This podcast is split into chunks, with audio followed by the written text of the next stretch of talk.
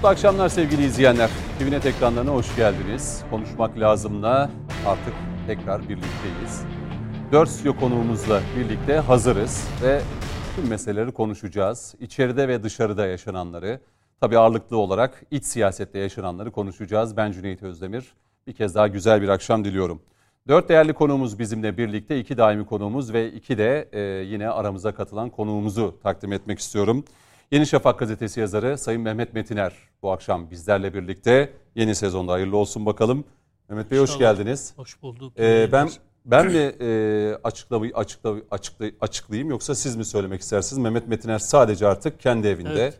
Yeni Şafak'ta yazacak ve TVNet'te sadece e, tartışma programlarında yer alacak. Yani her çarşamba e, sadece e, konuşmak lazım da. Evet.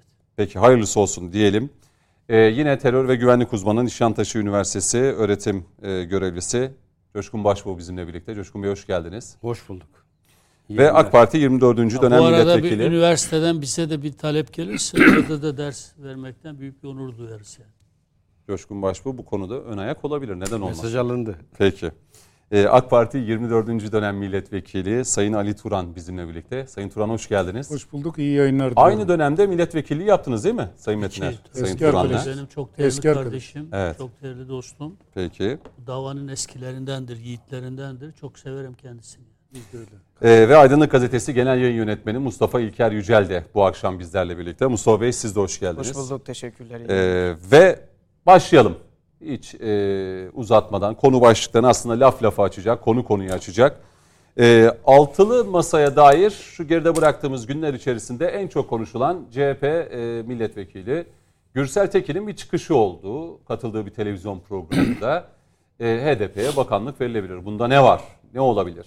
Ne mahsur görülebilir? E, ve bu cümleden sonra altılı masa içerisinde özellikle CHP ve İyi Parti arasında peş peşe restleşmeler geldi. Yavuz Ağar Alioğlu'nun açıklamaları hatta İyi Parti'den bazı illerin e, il başkanları istifa kararları aldı. E, aynı şekilde CHP'den e, Faik Öztürk'ün e, yine açıklamaları oldu.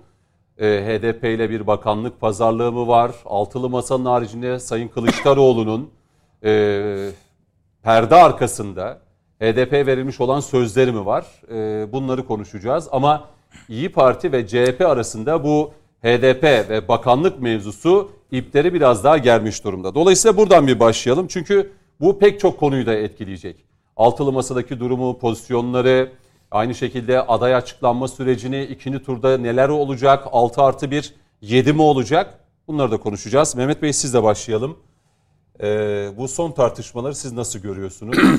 Ee, artık e, geride arka planda yapılan bu pazarlıkların e, gün yüzüne çıkması mıdır bu Gürsel Tekin'in yoksa Gürsel Tekin aracılığıyla yavaş yavaş bu masaya da artık HDP bu masada olmalıdır. İşte bakanlıkta verilmelidir. E, bunda bir beis yoktur şeklinde değerlendirme yapılması masaya yönelik bir mesaj mıdır? Öncelikle şunu belirteyim. Altılı masa HDP ile birlikte 7'ye çıkmaz. Başka partilerin katılımı olur mu olmaz mı? Onu süreç içerisinde göreceğiz ama HDP'nin e, o masaya oturması, o masanın tamamen dağılması yani İyi Parti'nin desteğini çekmesi anlamına gelir ki İyi Parti'nin de desteklemediği bir mese, e, masanın zaten e, geleceği olmaz. Siyaseten geleceği olmaz. Bir diğer husus da şu, Sayın Kılıçdaroğlu asla HDP'yi karşısına alan bir siyaset izlemez. Çünkü HDP'siz bir CHP e, siyaseten hiçbir şeydir. CHP kendini HDP'ye kilitledi. E, bu ittifakın semeresini de bir biçimde aldı aslında. Yerel seçimlerde aldı. Söz gelimi benim seçim bölgem olan Esenyurt'ta aldı. Küçükçekmece'de aldı. E, Adana'da aldı, Antalya'da aldı. Pek çok yerde aldı. Dolayısıyla HDP sosyolojisini, HDP tabanını karşısına alan, doğrudan Kandil'i, doğrudan PKK'yı, doğrudan HDP'yi karşısına alan bir siyaset izleyemez. Kılıçdaroğlu'nda böyle bir mecburiyet var. Ama aynı Kılıçdaroğlu'nda altılı masada Sayın Meral Akşener'e mecburiyeti ve mahkumiyeti var. Ama Meral Akşener HDP'nin oturduğu bir masaya bırakınız oturması halinde partisini tutmayı CHP'nin HDP ile olan bu e, zimni ve açık diyaloğu, işbirliği ittifakı sürdüğü sürece kendi partisinin tabanını da tutamaz. Nitekim işte bir takım il başkanları aklı nedenlerle istifa etmeye başladılar. Dolayısıyla HDP bu anlamda e, şey gibi yani bumerang gibi böyle herkesi çarpan e, dönüp kendisini de çarpan bir parti. Burada dikkat edeceğim, e, dikkat çekmeye çalıştığım bir husus şu. Özellikle CHP açısından, Gelecek Deva Partisi açısından da, Saadet Partisi açısından da bu söylenebilir. İyi Parti açısından söylemiyorum çünkü İyi Parti çok açık ve net bir biçimde HDP'yi PKK'nın HDP yanına... bu masada olamaz diyor. Ha, HDP'yi bu e, PKK'nın yanına konumlandırdığını açıkladı. Dolayısıyla HDP'nin olduğu bir masada zinhar olmayacağını söyledi. Ama Gelecek Partisi, Deva Partisi, Saadet Partisi böyle bir deklarasyonda bulunmadı. Dolayısıyla HDP İyi Parti'nin dışında masada oturanla diğer partiler açısından bir sorun teşkil etmiyor. Demokrat Parti'nin tutumunu henüz bilmiyorum. O yüzden o konuda bir yorum yapamam. Ama ama şu, bir diğer paradoks, çelişki şu. Bir anda HDP-PKK e, ilişkisi üzerinden bir analiz geliştirdiğinizde, e, HDP'yi PKK'nın yanına konumlandırdığınızda, yani bir terör örgütünün siyasal aparatı bir biçiminde analiz yaptığınızda, o masada oturan siyasetçilerin hepsi İyi Parti hariç çok ciddi bir hastalık duyuyorlar. Zaman zaman İyi Partilerden de efendim meşru değil ama yasaldır gibisinden aslında e, gene bir biçimde demokratik meşruiyetini savunan bir yerde kendilerini konumlandırdıklarını görüyoruz. Ama buradaki paradoks şu. HDP'yi hem meşru bir parti olarak göreceksiniz hem de HDP'ye gayrimeşru muamelesi çekeceksiniz. Ya bu kabul edilebilir bir durum değil.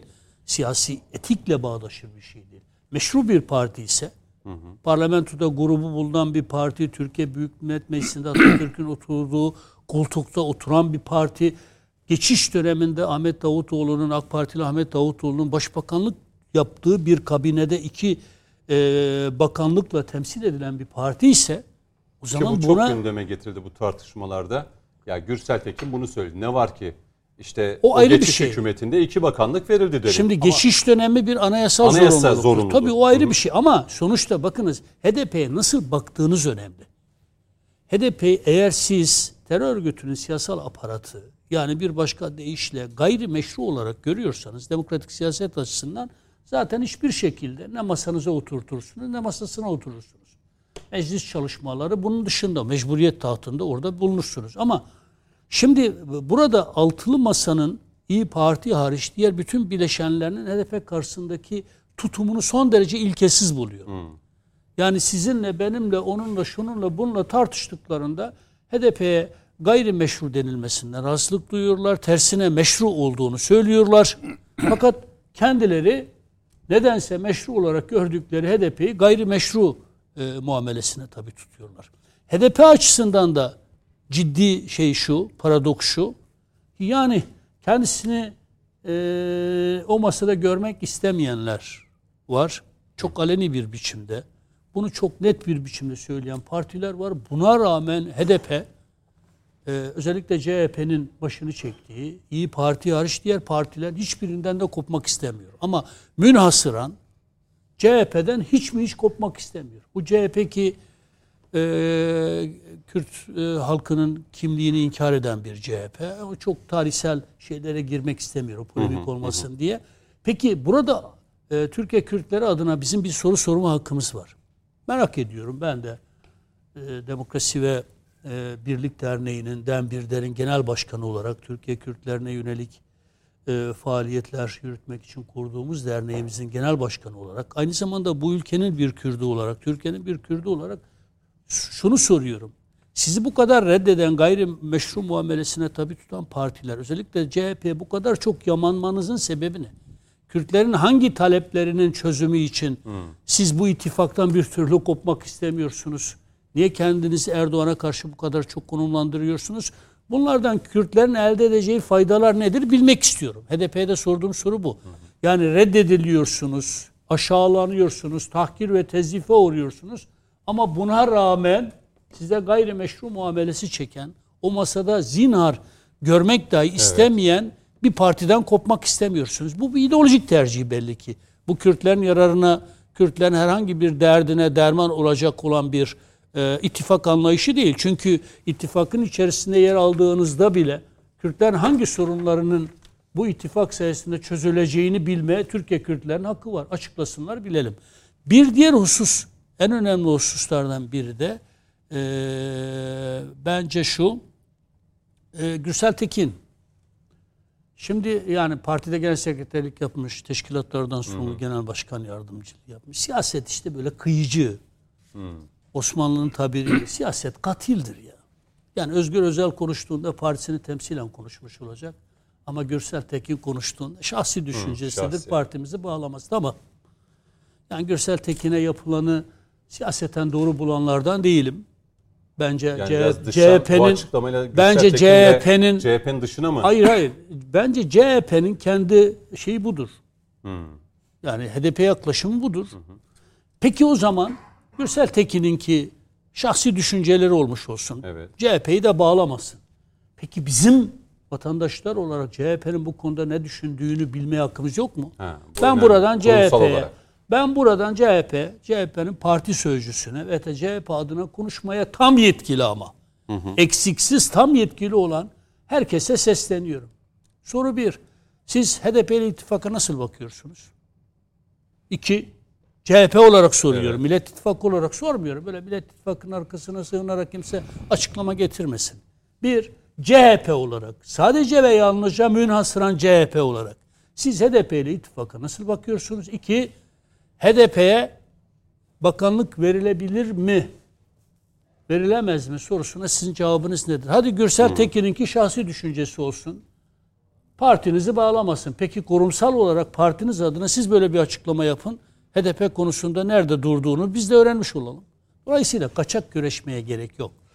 Ben e, e, HDP'nin gerçekten e, Kürtler adına, Türkiye Kürtleri adına çok iyi bir siyaset yaptığı kanaatinde değilim. Bu ülkenin bir Kürdü olarak da son derece rahatsızlık duyuyorum. Bu kadar çok itilmeyi, kakılmayı, aşağılanmayı, tahkir ve tezdifi gördükten sonra bile niye oradan kopmak istemediğini Türkiye Kürtleri adına anlayabilmiş değilim. Her türlü ideolojik siyasi mülazaların dışında bunu E, Belki de onu söylüyorum. tutan bir şey var. Ha burada eğer Erdoğan düşmanlığı üzerinden bir siyaset yürütülüyorsa ki görünen o, o zaman bu Erdoğan düşmanlığının da Kürtlükle, Kürt meselesiyle, Kürt meselesinin çözümüyle zinhar alakasının olmadığını artık Türkiye Kürtlerinden bilmesi lazım. Altılı masayı da ben çok sağlıklı görmüyorum. Bu ittifakı çok sağlıklı Geleceğini görmüyorum. ayrıca size soracağım. Yani şu Ee, aday ikinci tur Ekim ayında. İlk başta şu Ama HDP Gürsel Aha. Tekin'e e, bu yapılanı da doğru bulmuyorum. Doğru Siyaseten doğru bulmuyorum. Maalesef partilerde e, yani sen kendin bile HDP'nin mecliste olması gerektiğine inanacaksın. sonra E, HDP sayesinde e, belediye başkanlıkları kazanacaksın. HDP e, muhalefeti dolayısıyla Erdoğan'la karşı mücadele ederken bir direnç hattı oluşturacaksın. E sonra efendim işte HDP gayrimeşrudur muamelesine HDP'yi tabi tutacaksın. Peki o zaman çık sen cevap ver. Gürsel Tekin dobra dobur davrancı, mertçe davrandı. Aslında siyaseten davranmış olsaydı lafı yuvarlayabilirdi. Ama Mertçe içinden geçeni söyledi. Bence CHP'linin pek çok CHP'li yöneticinin CHP'nin durduğu yeri de kurumsal açıdan Kılıçdaroğlu CHP'sinin durduğu yeri de çok açık bir biçimde ortaya koydu. Ama tabii e, İyi Parti'nin tepkisinden korkan Kılıçdaroğlu CHP'si mecburen E, ona bu şahsi düşüncesidir Hat partimizi dönüştü şu bağlamaz dedi. O zaman biz de soruyoruz. Bir kez daha soruyoruz. Evet. Tekrarlamak için değil. O zaman sen Kılıçdaroğlu ya siz ya da yetkilendirdiğiniz birisi bu sorduğumuz sorulara cevap versinler. Biz de bu konuda sizin Gürsel Tekin'in ne düşündüğünü öğrenmiş olduk da kişisel Kurumsal olarak anlamda. düşüncesini kurumsal olarak bir de sizin ne düşündüğünüzü e, biz millet olarak görmek, anlamak istiyoruz. Maalesef Türkiye'nin pek çok meselesinde e, bu altı masa, altılı masadaki e, hiçbir partinin kurumsal e, tavrını göremiyoruz. Belki bu başka bir tartışma konusu ama Mustafa İlker Bey siz de devam edelim isterseniz. Bu tartışma aslında CHP ve İyi Parti arasındaki adaylık meselesini de daha da sertleştirecek ve kızıştıracak gibi öyle gözüküyor. Çünkü hem İyi Parti'nin kurmayları hem Akşener'den hem CHP'de e, kurmaylardan e, çok farklı açıklamalar geldi. Yani bu HDP'ye bakanlık meselesinde. E, Sayın Cumhurbaşkanı şunu söylemişti. Hep ben bunu hatırlatıyorum zaman zaman programlarda. Bu altılı masada değil dedi seçime girmeyi 2023'te dedi sandıkta bir arada yan yana gelmeyi bile dedi unutsunlar. Yani hayal. Böyle bir e, öngörüde bulunmuştu. Durum o noktaya mı gidiyor? Yani bu HDP bakanlık tartışması da. Cumhuriyet Halk Partisi ile İyi Parti e, aynı cephede. Yani altı benzemez e, parti değil, altı benzer. Yani programları çok benziyor. Tek tek yani Mavi Vatan, Suriye'nin kuzeyi. Birisi İyi Parti perdelemeye çalışıyor. Diğeri tezkereye karşı çıkıyor. Biri Mavi Vatan saldırgan diyor, yayılmacı diyor. Diğeri hiç konuşmuyor. Hı hı. E, ve kesiştikleri nokta 809 toplantı yaptılar. Hepsinin bildirisinde yani ortaya çıkan metinlerde Avrupa Birliği ve Amerika'ya selam e, metinleri var. Yani satır satır aralarında hep böyle biz size sorun çıkarmayacağız mesajları veriliyor. Dolayısıyla bir e, HDP konusunda da e, esasta bir ayrılıkları yok. Eğer Milliyetçi Hareket Partisi'nden kopardıkları kesimi İyi Parti kontrolü altında tutabilmek için Gürsel Tekin'in konuşmaması lazım. Ona kızıyor. Niye konuşuyorsun diyor. Yani HDP ile CHP'nin yan yana gelmesine kızmıyor İyi Parti. Gürsel Tekin'in dobra dobra bunu anlatmasına kızıyor aslında. Ama Bu, eğer çıkışta bir kontrayı e, görüyor. Mesela İyi, İyi Parti bir Mansur Yavaş dedi.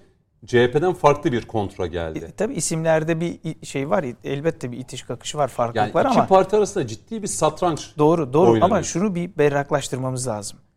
Sayın Ekrem İmamoğlu ile Sayın Mansur Yavaş aynı partinin üyesi. Evet. Aynı partinin belediye başkanı. Yani Fatih Sultan Mehmet benzetmesi Şimdi, yapıyor İmamoğlu'nun. İsmi yani geçmiyor şu, Meral Akşener'in ağzından İmamoğlu çıkmıyor şu an. Şu, şöyle bir e, şu do- doğru değil.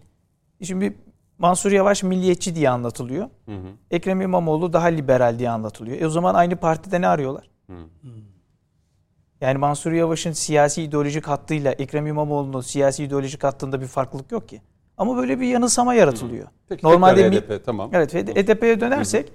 Şimdi burada da Gürsel Tekin e, Sayın Metiner çok doğru söyledi. Çok dobra dobra söyledi. Teşekkür ederiz yani. Böyle açık açık söylüyor, konuşuyor. Diğerleri maske takıyor.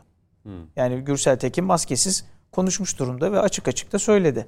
Bunu aslında e, şöyle ifade edebiliriz. Şimdi Selahattin Demirtaş Türk yargısının e, terör örgütüyle bağını yakaladığı, gösterdiği, yargıladığı ve hüküm verdiği bir şahıs. E, Sayın Kılıçdaroğlu cezaevinde yattığı süreyi bir madalya olarak tanımladı. Yani yattığı süre onun madalyasıdır dedi. Kime demiş oldu? Bir terör hükümlüsüne demiş oldu.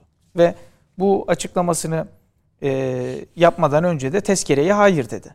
Şimdi burada bir, bir bizi dinleyen İyi Parti'nin, CHP'nin e, vatansever e, tabanının şunun üzerinde dikkatli düşünmesi gerekiyor.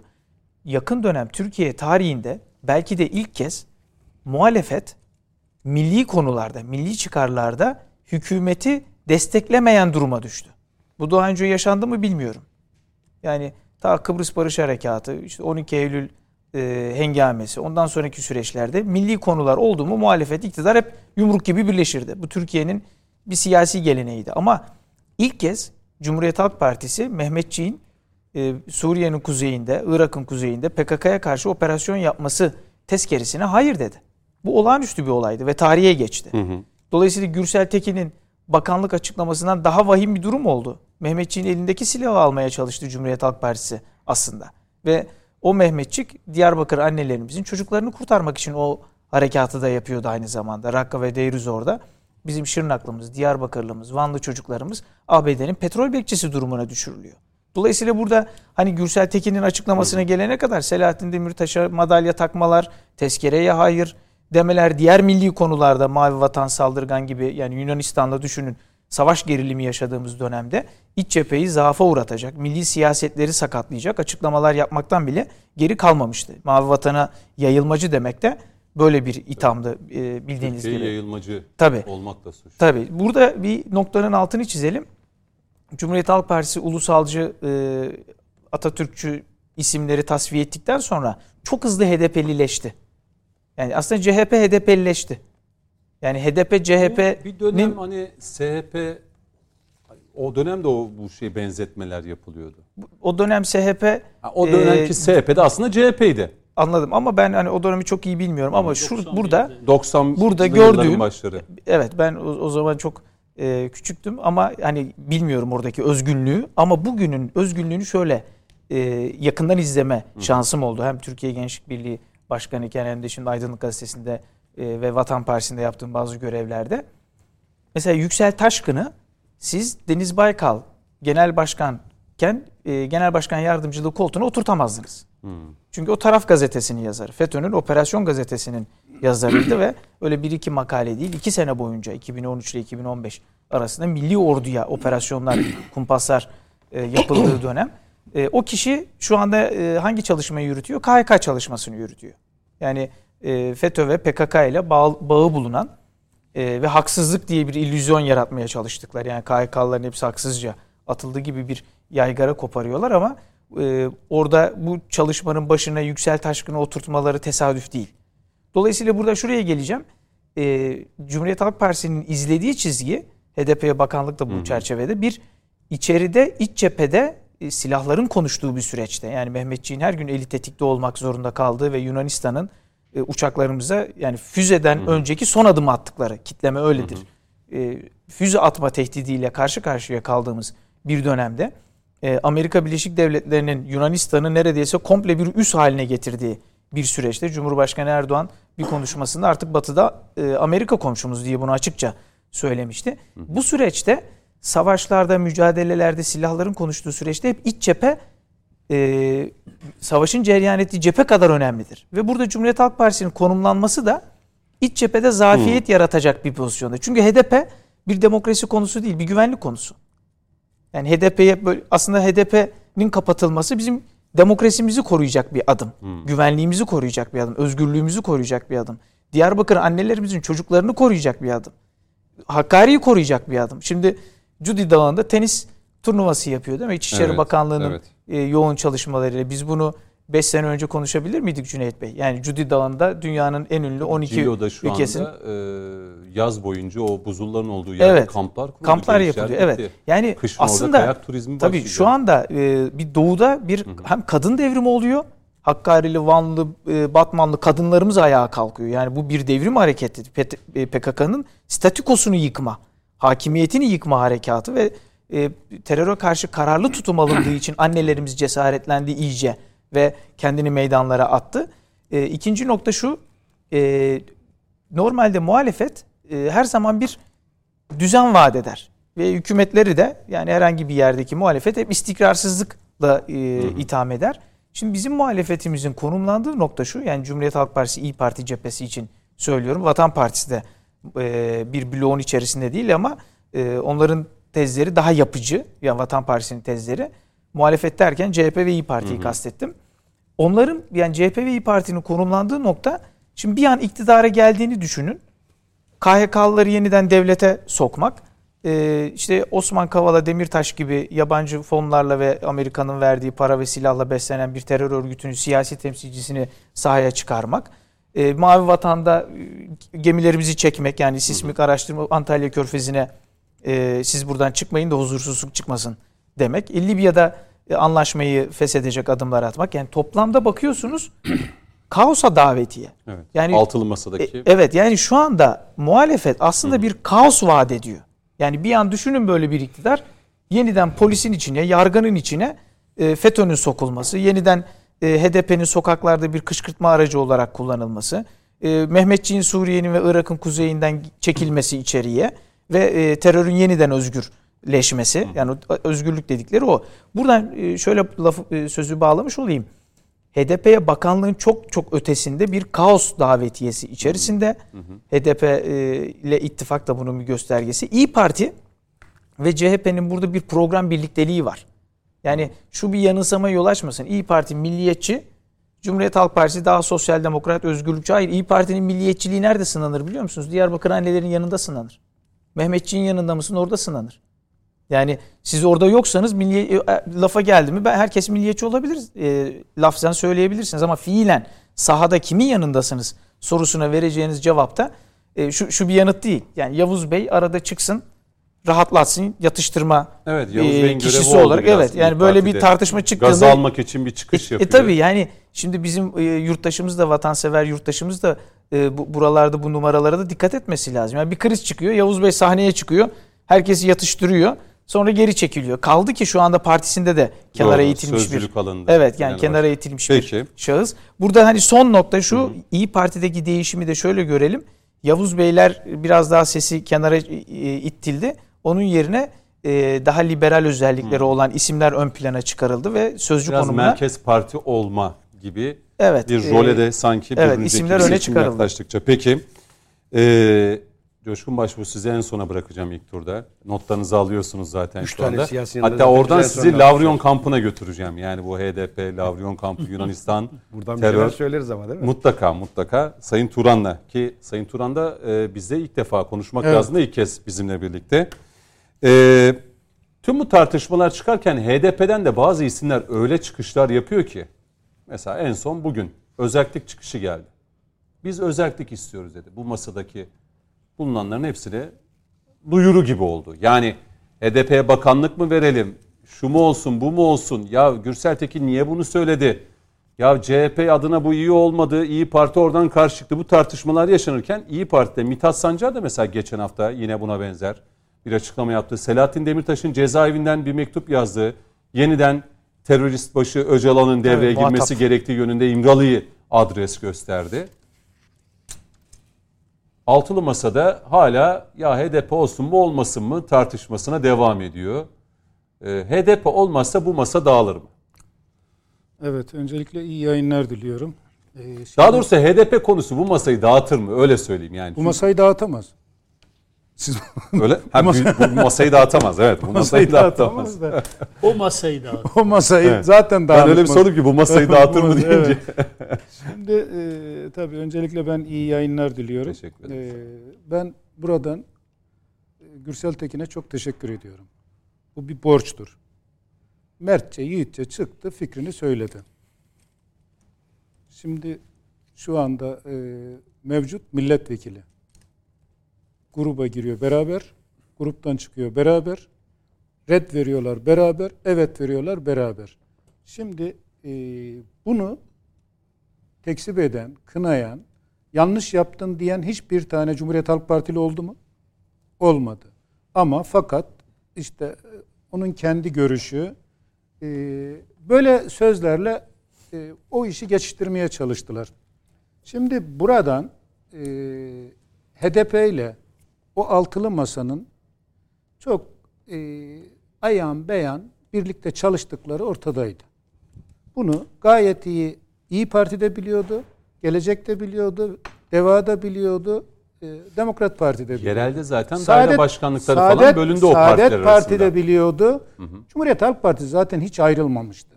Şimdi burada peki e, diyeceksiniz ki bu kavga niye çıktı? Bu e, ortalık niye karıştı diyeceksiniz.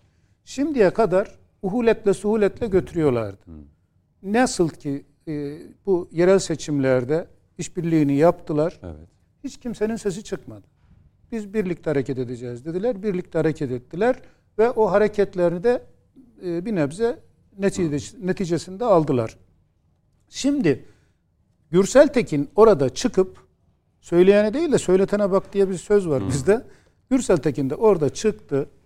E, Cumhuriyet Halk Partisi'nin ve kendi istediğinin böyle olması gerektiğini orada açıkça söyleyince İyi Parti e, biz niye HDP ile beraberiz diye kızmadı.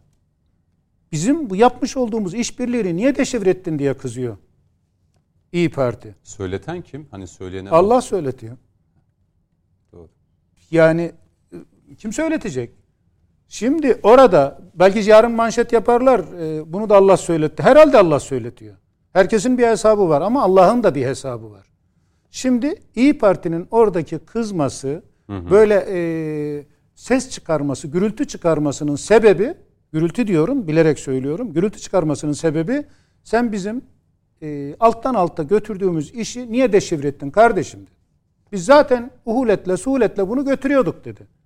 Şimdi ben bunun örneklerinden şeyle şimdi dediniz ki e, şeyde e, Yozgat'ta siz Evet, ismini evet. söylemediniz. Yozgat'ta bir il başkanı istifa etti. Ondan önce kaç tane il başkanı istifa etti? Kaç tane ilçe başkanı istifa etti? CHP'de de öyle istifalar oldu. CHP'de de istifalar oldu. Fakat şunu söylemek istiyorum. Zaten iyi şeyin Cumhuriyet Halk Partisi ile özellikle şu bu son zamanlarda ayyuka çıkmış HDP işbirliği ortadaydı zaten. Neydi o işbirliği? Şimdi e, ekonomik kriz olduğu zaman, ilk krizin olduğu zamanlarda Demirtaş bir tweet atmıştı hatırlarsanız. Demişti ki şimdi değilse ne zaman? Türkiye'nin 7 bölgesinde 7 tane miting yapın demişti. Doğru. O tweet atılır atılmaz ben çok iyi hatırlıyorum. İki saat sonra Cumhuriyet Halk Partisi'nin genel başkanı dedi ki biz hemen Mersin'de miting yapıyoruz dedi. İki saat sonra. Sonra Gittiler. devamı geldi mi? Gelemedi. Değil mi? Tepkiler Gelmedi. geliyor. Niye? Çünkü o, hayır gitti orada umduklarını bulamadılar. Vatandaş o Ama işi Kılıçdaroğlu bir de şahsiyete döktü. Hani kocaman bir hatırlayın. Kocaman bir Kılıçdaroğlu resmi. Bazıları Mesih benzetmesi yaptı. Ama Türk bakın- bayrağı yoktu, Atatürk ama resmi bakın yoktu. yok çok o kadar şeyine gitmeye gerek yoktur. Ama içerisinde çok onlar şunu düşündüler. Onlar şunu düşündüler. Ee, oradan cezaevinden Demirtaş Hmm. tweet'i atınca dedi ki şimdi değilse ne zaman? Evet. Türkiye'nin gene söylüyorum 7 bölgesinde 7 miting yapın dedi. Onlar da dedi ki tam zamanı bu mitingi yaparsak yer yerinden oynar dedi. Oraya gittiler. Orada da tabii e, şey var. E, İyi Parti var orada Mersin'de. CHP var. MHP var. AK Parti var. Yani dört parti, büyük partinin dördü de var orada. Şimdi orada ne İyi Partililer gitti ne ötekinler zaten gitmezler. Boyunun ölçüsünü aldı orada. Ha dedi ki ya biz 7 bölgede 7 miting yaparsak biz burada rezil olduğumuz gibi orada da rezil oluruz. Yani o yolu daraltıp, alanı daraltıp orada kalabalık gösterme hiç ona aldanmayın. O Mersin'deki miting bir hezimetti. Dolayısıyla bundan vazgeçtiler. Peki o zaman e, İyi Parti CHP ile o işbirliğini bilmiyor muydu? Biliyordu. Daha sonra şeye tezkere geldi. Meclise tezkere geldi. Hem Suriye Meclise hem gelen tezkerede 7 defa gelmiş, altısına evet demiş bu Cumhuriyet Halk Partisi. Kandil'den açıklamalar geldi.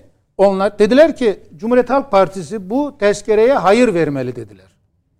Oradan mesaj geldi. HDP de dedi ki CHP e, tezkereye hayır vermeli. Hiç sudan bahaneyle efendim e, burada önceki madde yoktur biz tezkereye hayır veriyoruz dedi. Buradan da bir hezimet yaşadı Cumhuriyet Halk Partisi.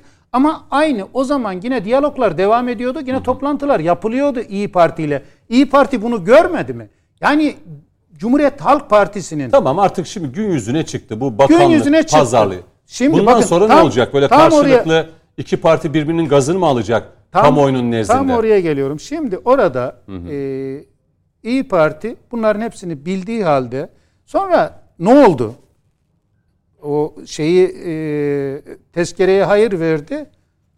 Baktı ki Cumhuriyet Halk Partisi'nin içinde de homurdanmalar oldu. Evet. Tabanda büyük bir tepki oldu. Siz ne yapıyorsunuz bu ülkenin bölünmez bütünlüğü için, bizim sınırlarımızın korunması için hemen burnumuzun dibinde 940 kilometre sınırımız olan Suriye'de Amerika'sı orada, Rusya'sı orada, Avrupa'dan Fransa'sı orada, İtalya'sı orada, İngiltere'si orada. Bütün terör örgütlerinin A'dan Z'ye hepsi orada cirit atarken siz bu ülkenin bekası için, sınırlarımızın korunması için, orada bir terör devletinin kurulmaması için tezkere geliyor meclise siz hayır veriyorsunuz dedi. Oradan da bir sıkıntı yaşayınca ertesi gün hatırlarsınız. Bugün Yozgat'ı biraz fazla andık. Benim de yakın komşum ilim. Hemen Kılıçdaroğlu gitti Yozgat'a dedi ki bakın dedi bana dedi iktidarı verin ben Kandil'i yerle bir edeceğim. Doğru. Bir gün önce tezkereye hayır veren ertesi gün gidip Yozgat. Kandil'i yerle bir edeceğim dedi. Peki sormazlar mı size? Dün tezkereye hayır veriyorsun bugün Kandil'i gidip yerle bir ediyorsun. Orada da bir azimet yaşadı. Bununla ilgili bu HDP ile ilgili bütün e, çalışmalar vardı. Bunu bütün Alttan alttan bu gidiyordu. Alttan alta gidiyordu ve alttan alta gitmesinin en bariz örneği de işte şimdi. Sayın Kılıçdaroğlu çıktı.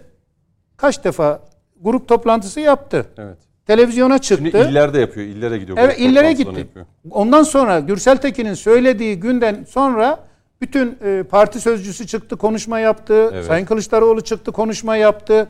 Diğer partililer, grup başkan vekilleri çıktı konuşma yaptılar. Bir tanesi diyebildi mi ki ya Gürsel Tekin'in kendi fikri kardeşim biz HDP'ye iş- HDP ile işbirliği yapmıyoruz diyebildiler mi? Yok. Diyemediler. Diyemezler çünkü işbirliği yapıyorlar E tamam mızrak artık çuvala sığmıyor. sığmıyor. Şimdi bunu duyan yani böyle açığa çıkınca da İyi Parti haliyle çıkıp açıklamalar yapmak zorunda kaldı. İyi Parti'den de bakın şimdiye kadar yapılmayan net açıklamalar yapıldı.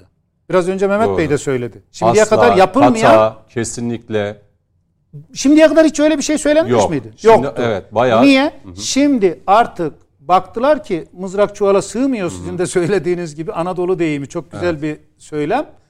Bu e, şeyin İyi Parti'nin o e, trendinin biraz yukarı doğru gittiği Bu bizi bizi bir baktılar ki hop birden şey döndü.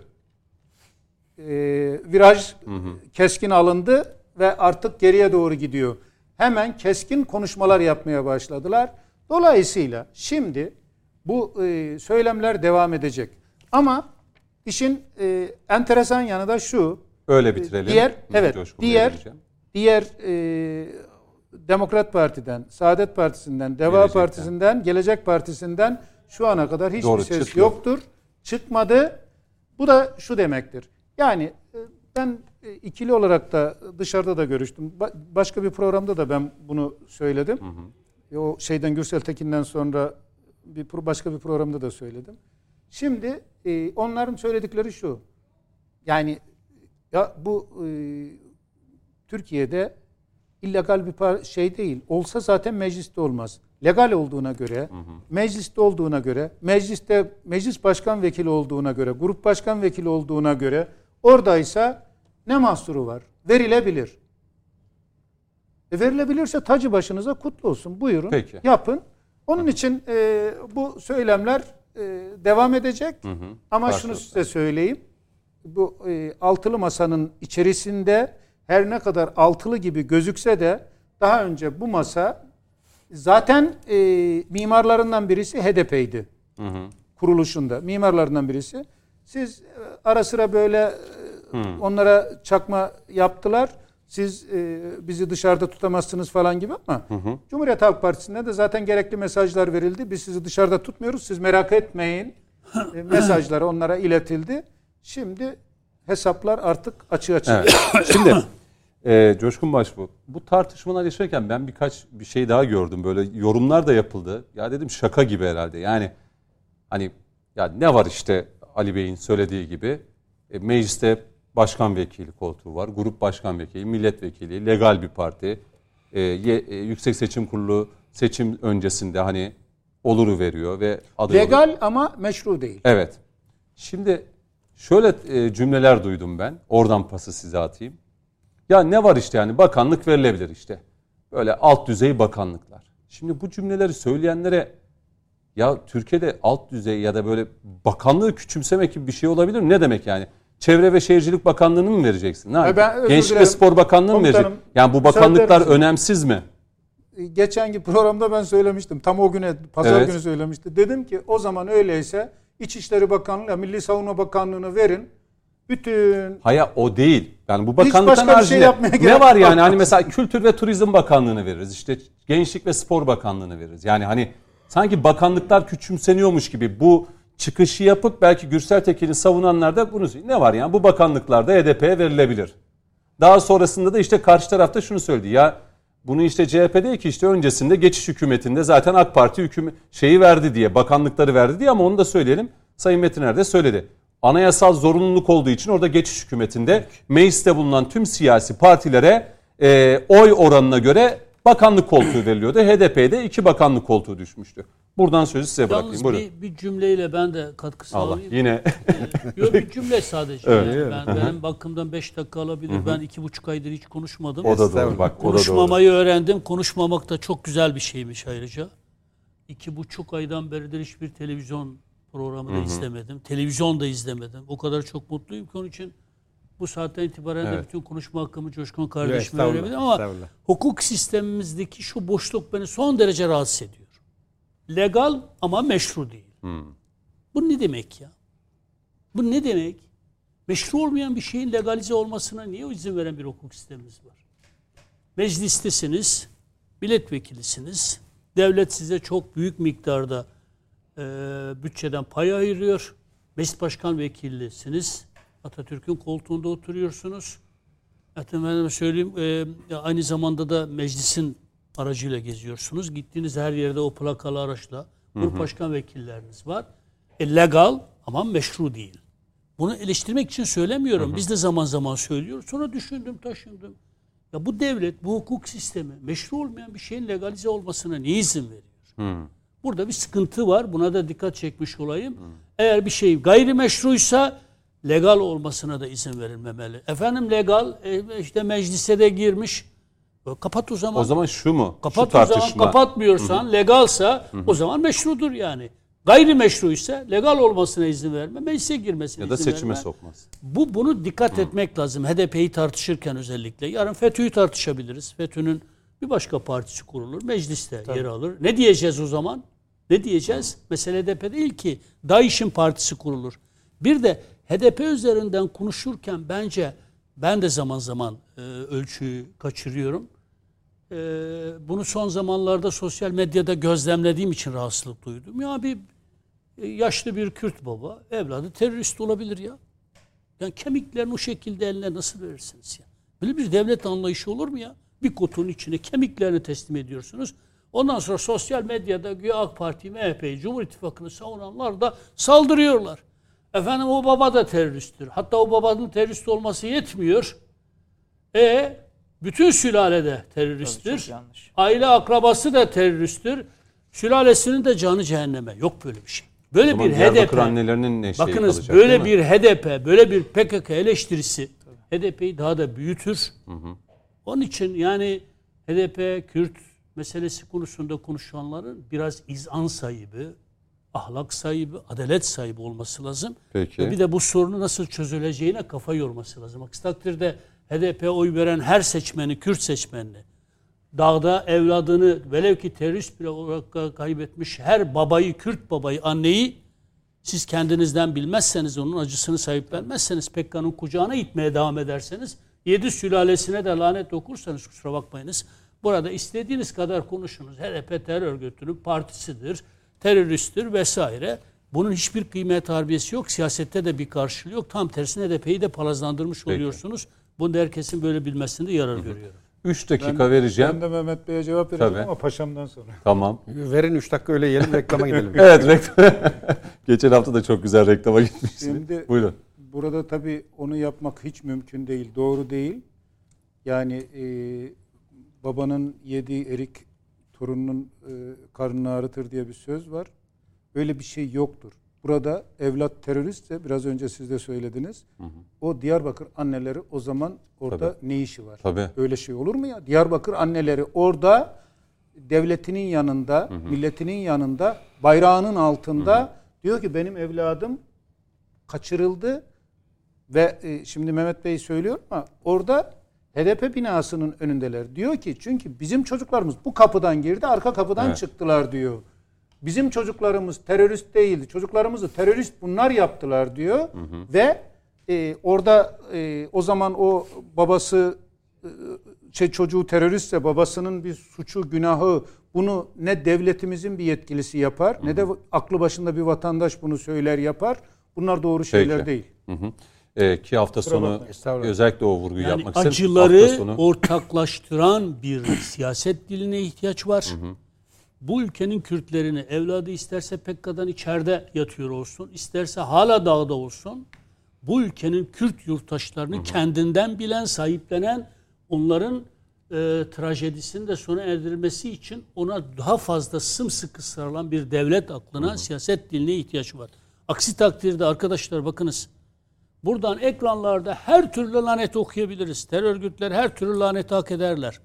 Ama benim burada vatandaşım eğer vatandaşım eğer hala bütün bu olup bitenlere rağmen herhangi bir partiye desteğini ısrarla sürdürüyorsa her birimizin bundaki dahlinin de artık konuşulması, tartışılması gerektiğine inanıyorum. E, hafta sonu da ben Diyarbakır'daydım. Annelerle bir buçuk saate yakın onlarla konuştum. Hepsini dinledim yani özellikle.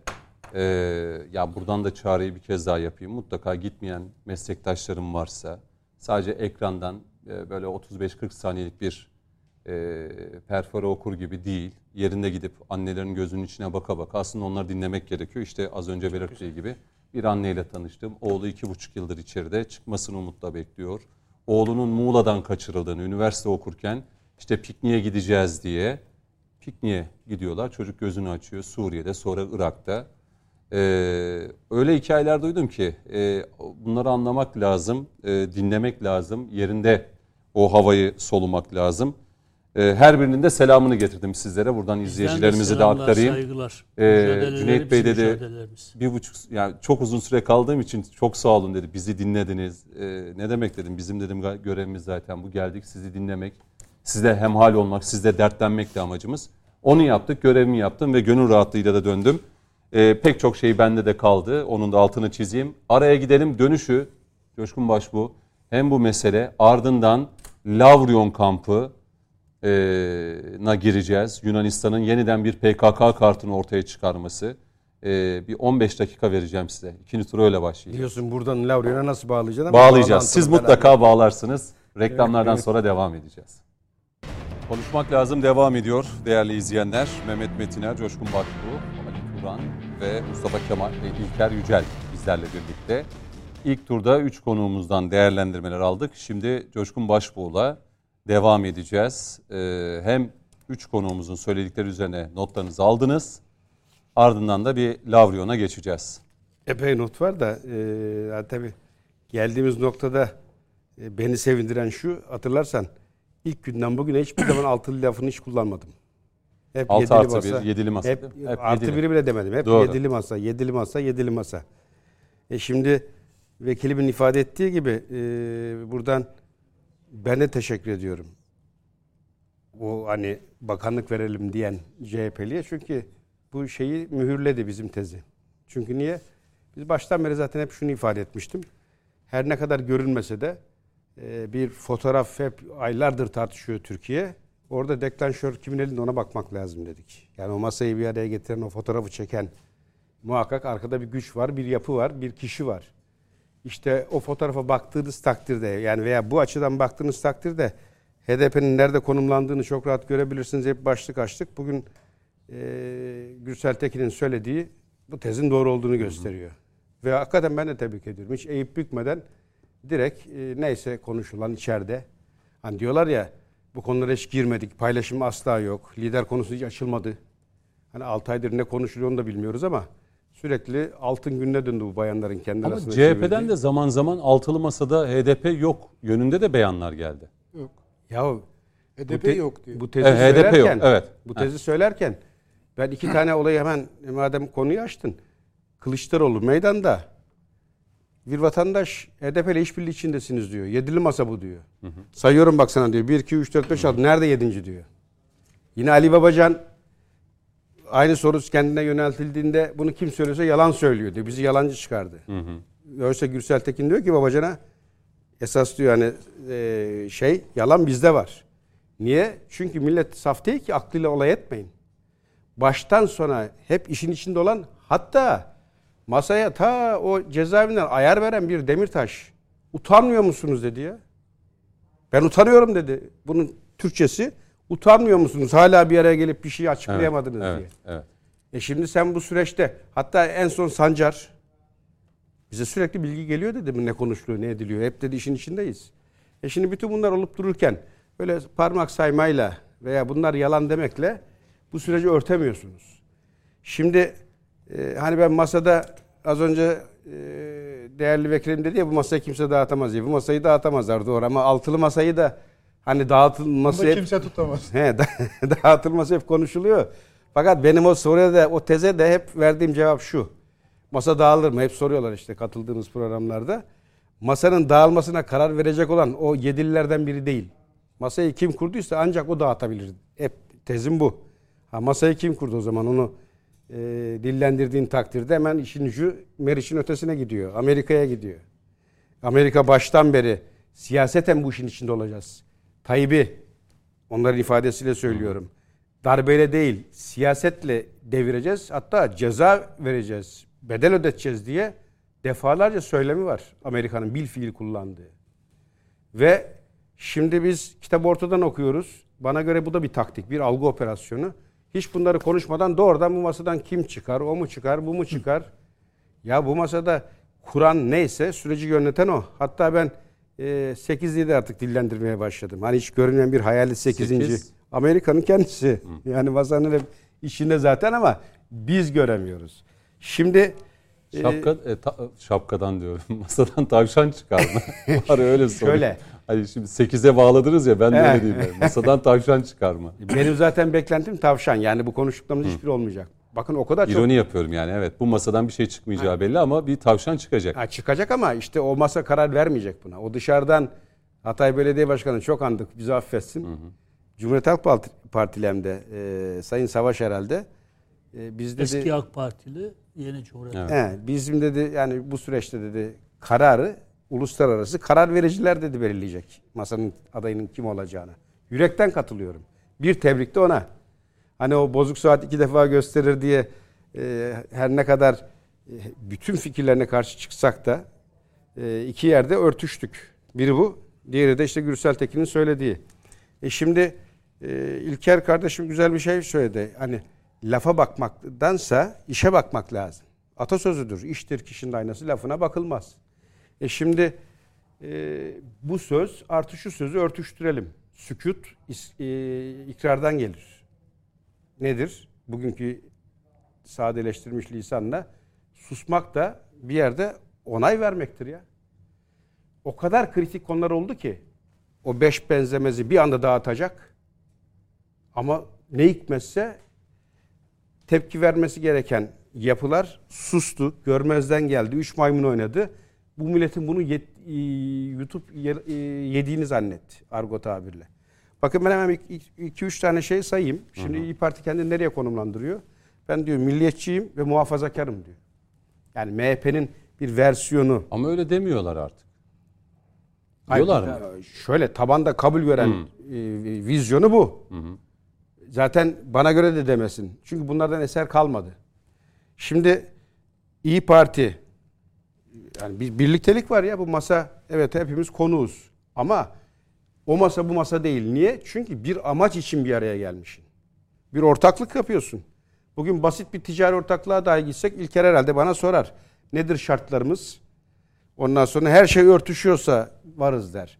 Bir iki kalemde aykırı düştün mü hocam kusura bakma biz seninle bu yolu gidemeyiz der. E şimdi normal şartlarda masaya bakıyorsun.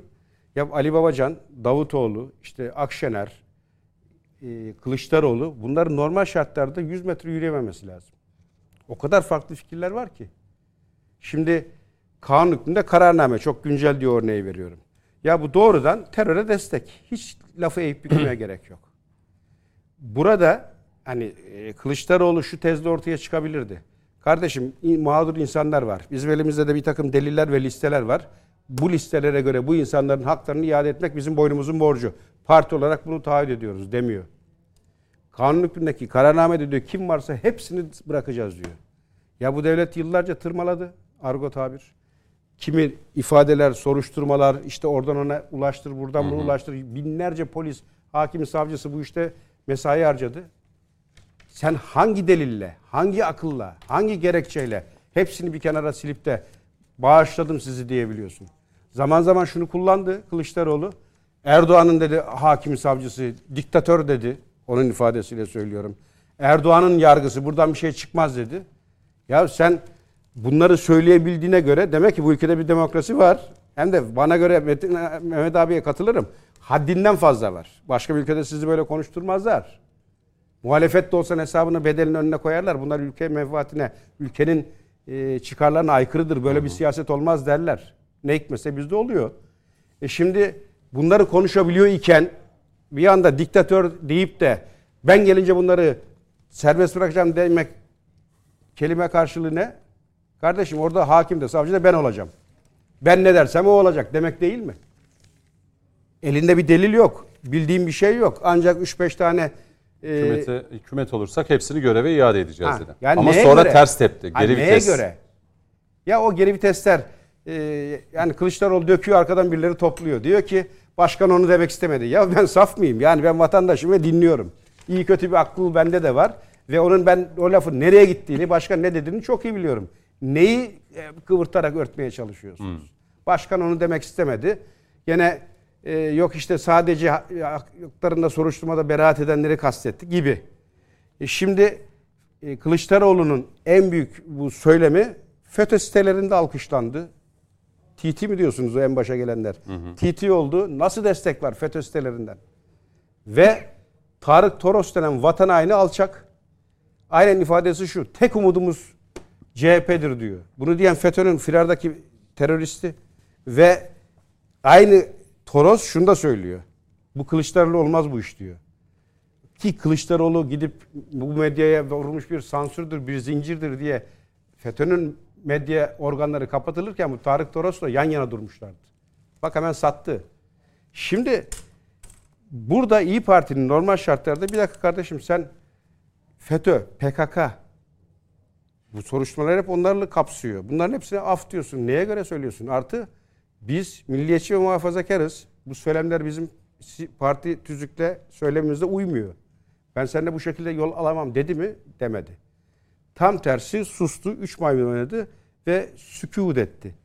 E şimdi bir başka konu e, Ali Babacan şimdi hemen yanı başındaki danışmanı partinin de kurucu genel başkan yardımcısı ya casus yatıyor içeride. Bak lamıcımı yok casus. Şimdi tutuksuz yargılanıyor komutanım. Tekrar itiraz edildi girdi içeri. Şu anda içeride mi? Metin, İçeride. Metin Gürcan'ı diyorsun. Evet Metin Gürcan e, her ne hikmetse onu, onu da ayrıca sorgulamak lazım. Bir anda tahliye edildi hemen itiraz edildi geri girdi. Savunma sanayi e, sırlarını yabancı büyükelçilere satarken. Satıyor ya devleti ülkeyi satıyor. Tık duyduk mu? Şimdi ben İlker'e güvenebilirim. Hani çok iyi bir senaryo çiziyorum size. Ama İlker'in hemen benim yanıma soktuğu yanı başındaki adamda böyle bir şey çıktı mı bir dakika kardeşim. Nasıl yuttun bu numarayı? Hiç mi uyanmadın diye hesap sormaz mıyım? Veya diğer olacak olanlardan da şüphe etmez miyim? Bahsi Hiçbir geçen şey. kişi genel başkan yardımcısı. Sağ kolu. sağ evet. kolu. Tık yok İyi Parti'den ve diğerlerinden. Yine Diyarbakır anneleri ne güzel dedi Sayın Vekilim. En güzel göstergelerden biri. Madem teröre karşısın, madem bu ülkede huzur olsun istiyorsun, ilk yapman gereken bu eli öpülesi annelerin yanına gidip eyleminizi destekliyoruz. Her daim yanınızdayız ve sonuna kadar da birlikte hareket etmeye hazırız. Ya bırakın bu söylemleri. Diyarbakır'a girip de teğet geçip uğramadan geç, gittiler bu anneler. Yok saydılar. Peki Altılı Masa'dan kimse ziyaret etmedi değil mi? hiç kimse. Hiç kimse. Hem de Diyarbakır'a gittikleri halde. Şunu soralım. Bak buradan soralım cevaplasınlar. Ne düşünerek Sayın Davutoğlu gitti bilebildiğim kadarıyla. Bilmiyorum. Gitti e, ve ta- Diyarbakır anneleriyle tartıştı. Ha, Doğru, doğru. Bildiğim Doğru, kadarıyla evet, doğru. gitti ama Çünkü Diyarbakır anneleri k- kızdı Sayın Davutoğlu'nun izlediği çizgiye. Bir polemik konusu oldu. Ben de tam soracaktım. Ne düşündünüz de gitmediniz oraya diye. Hani bir gerekçe söyleyin ya. Deyin ki bu anneler şu şu şu, şu gerekçelerden dolayı ziyaret edilmedi. Bu annelere şu şu şu gerekçelerden soğuk bakıyoruz. Ha şu gerekçelerin birini ben buldum. Cesaret yok gitmeye. Çünkü gitti mi oradaki aileler dedim ya Türk milleti feraset sahibi diye kimin nerede durduğunu, amacın ne olduğunu çok iyi okuyor. Dolayısıyla hani bir gerekçe bu olabilir. Bunu deseler gene baş tacı. Ya biz hatalar yaptık. Biz söylemde de, eylemde de eksik kaldık. Dolayısıyla yüzümüz yok gitmeye. Gitsek tepki alacağız. Bundan dolayı teğet geçtik. Hadi bir kabul.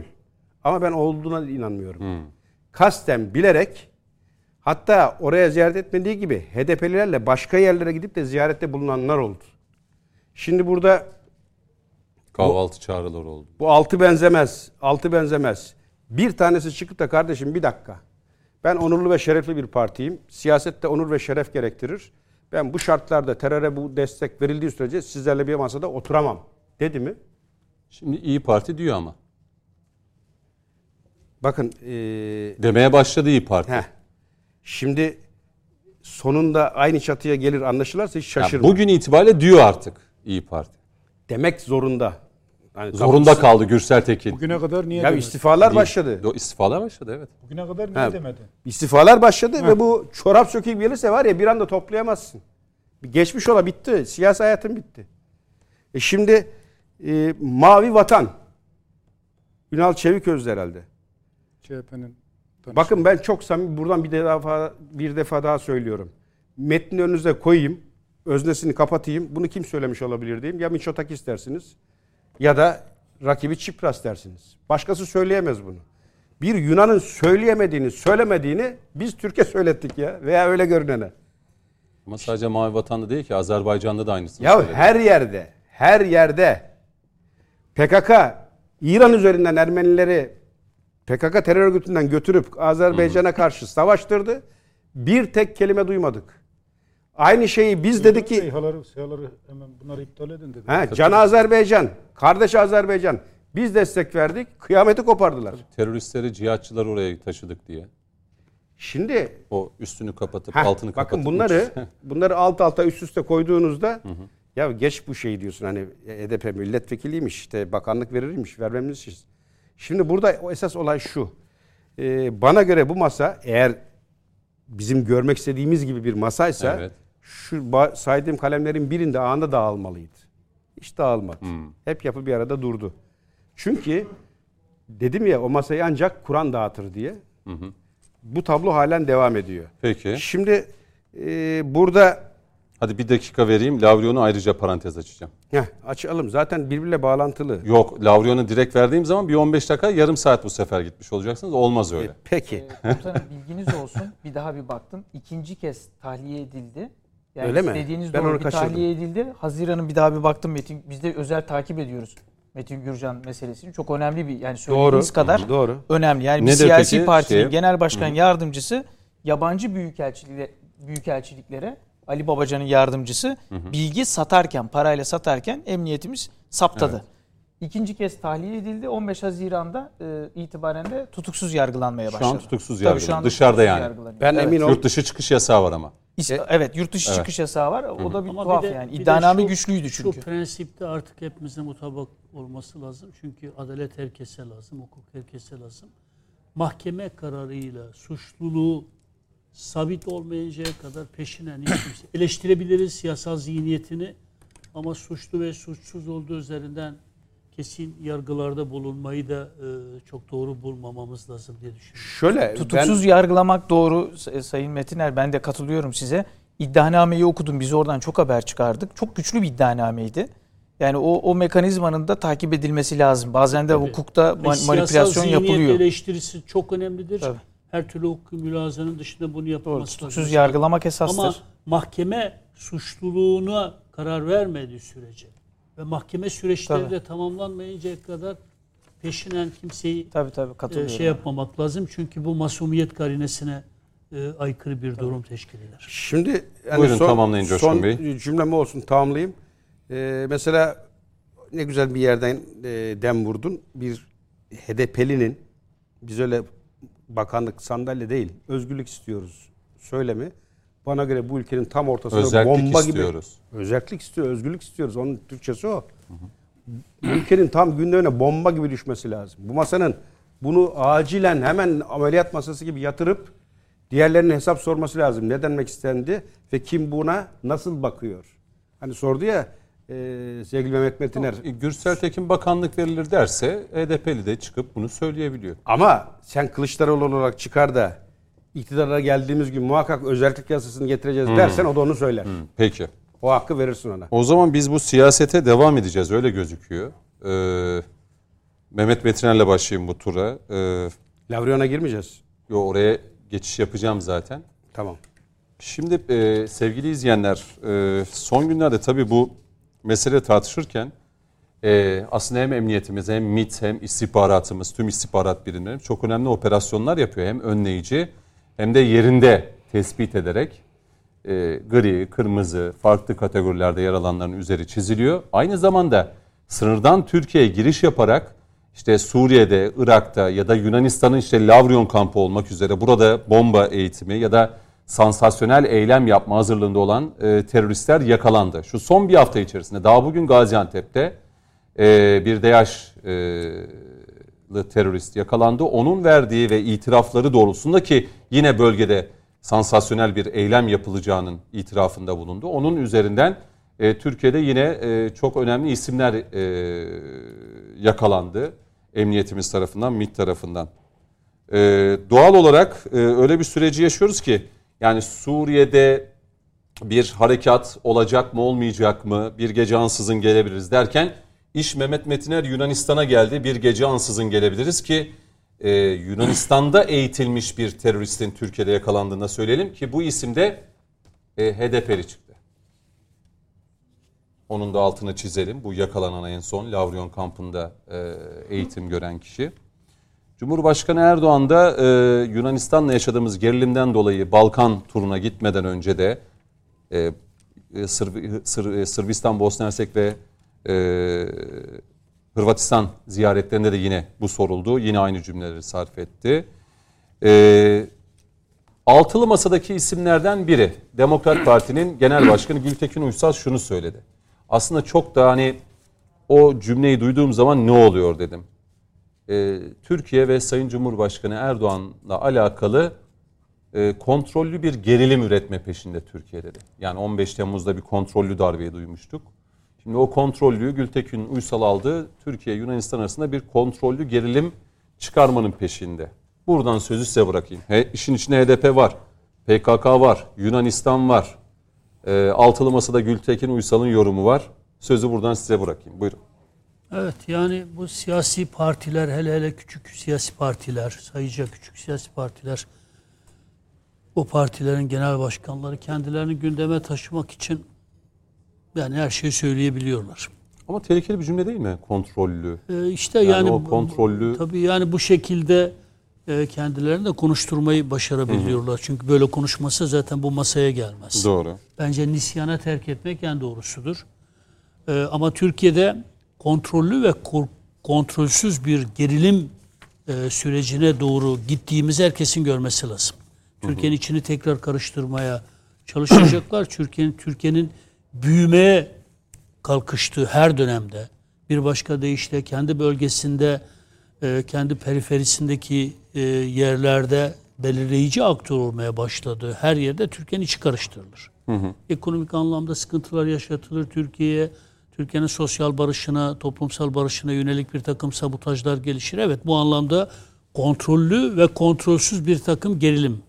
Ama burada Sayın Cumhurbaşkanı'nın sözleri üzerinden böyle bir sonuca varmak son derece yanlış. Yani biz Yunanistan'a ne diyeceğiz yani? Türkiye geçmişte Suriye'nin yaptığının aynısını Yunanistan yapıyor. Türkiye düşman ne kadar terör örgütü varsa onların e, hamiliğini yapıyor. İki, adalar meselesinde Sayın Cumhurbaşkanımızın çıkışı son derece yerindedir.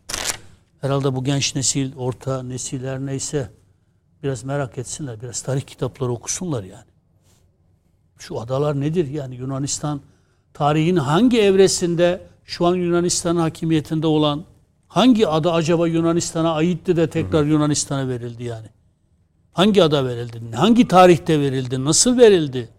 152 adayı hatırlattı. yani Lozan'da masa 152 ada. kurulurken tamam İtalya'ya verilmesini bir şekilde anlayabilirsiniz yani. Anlayabilirsiniz. Niye?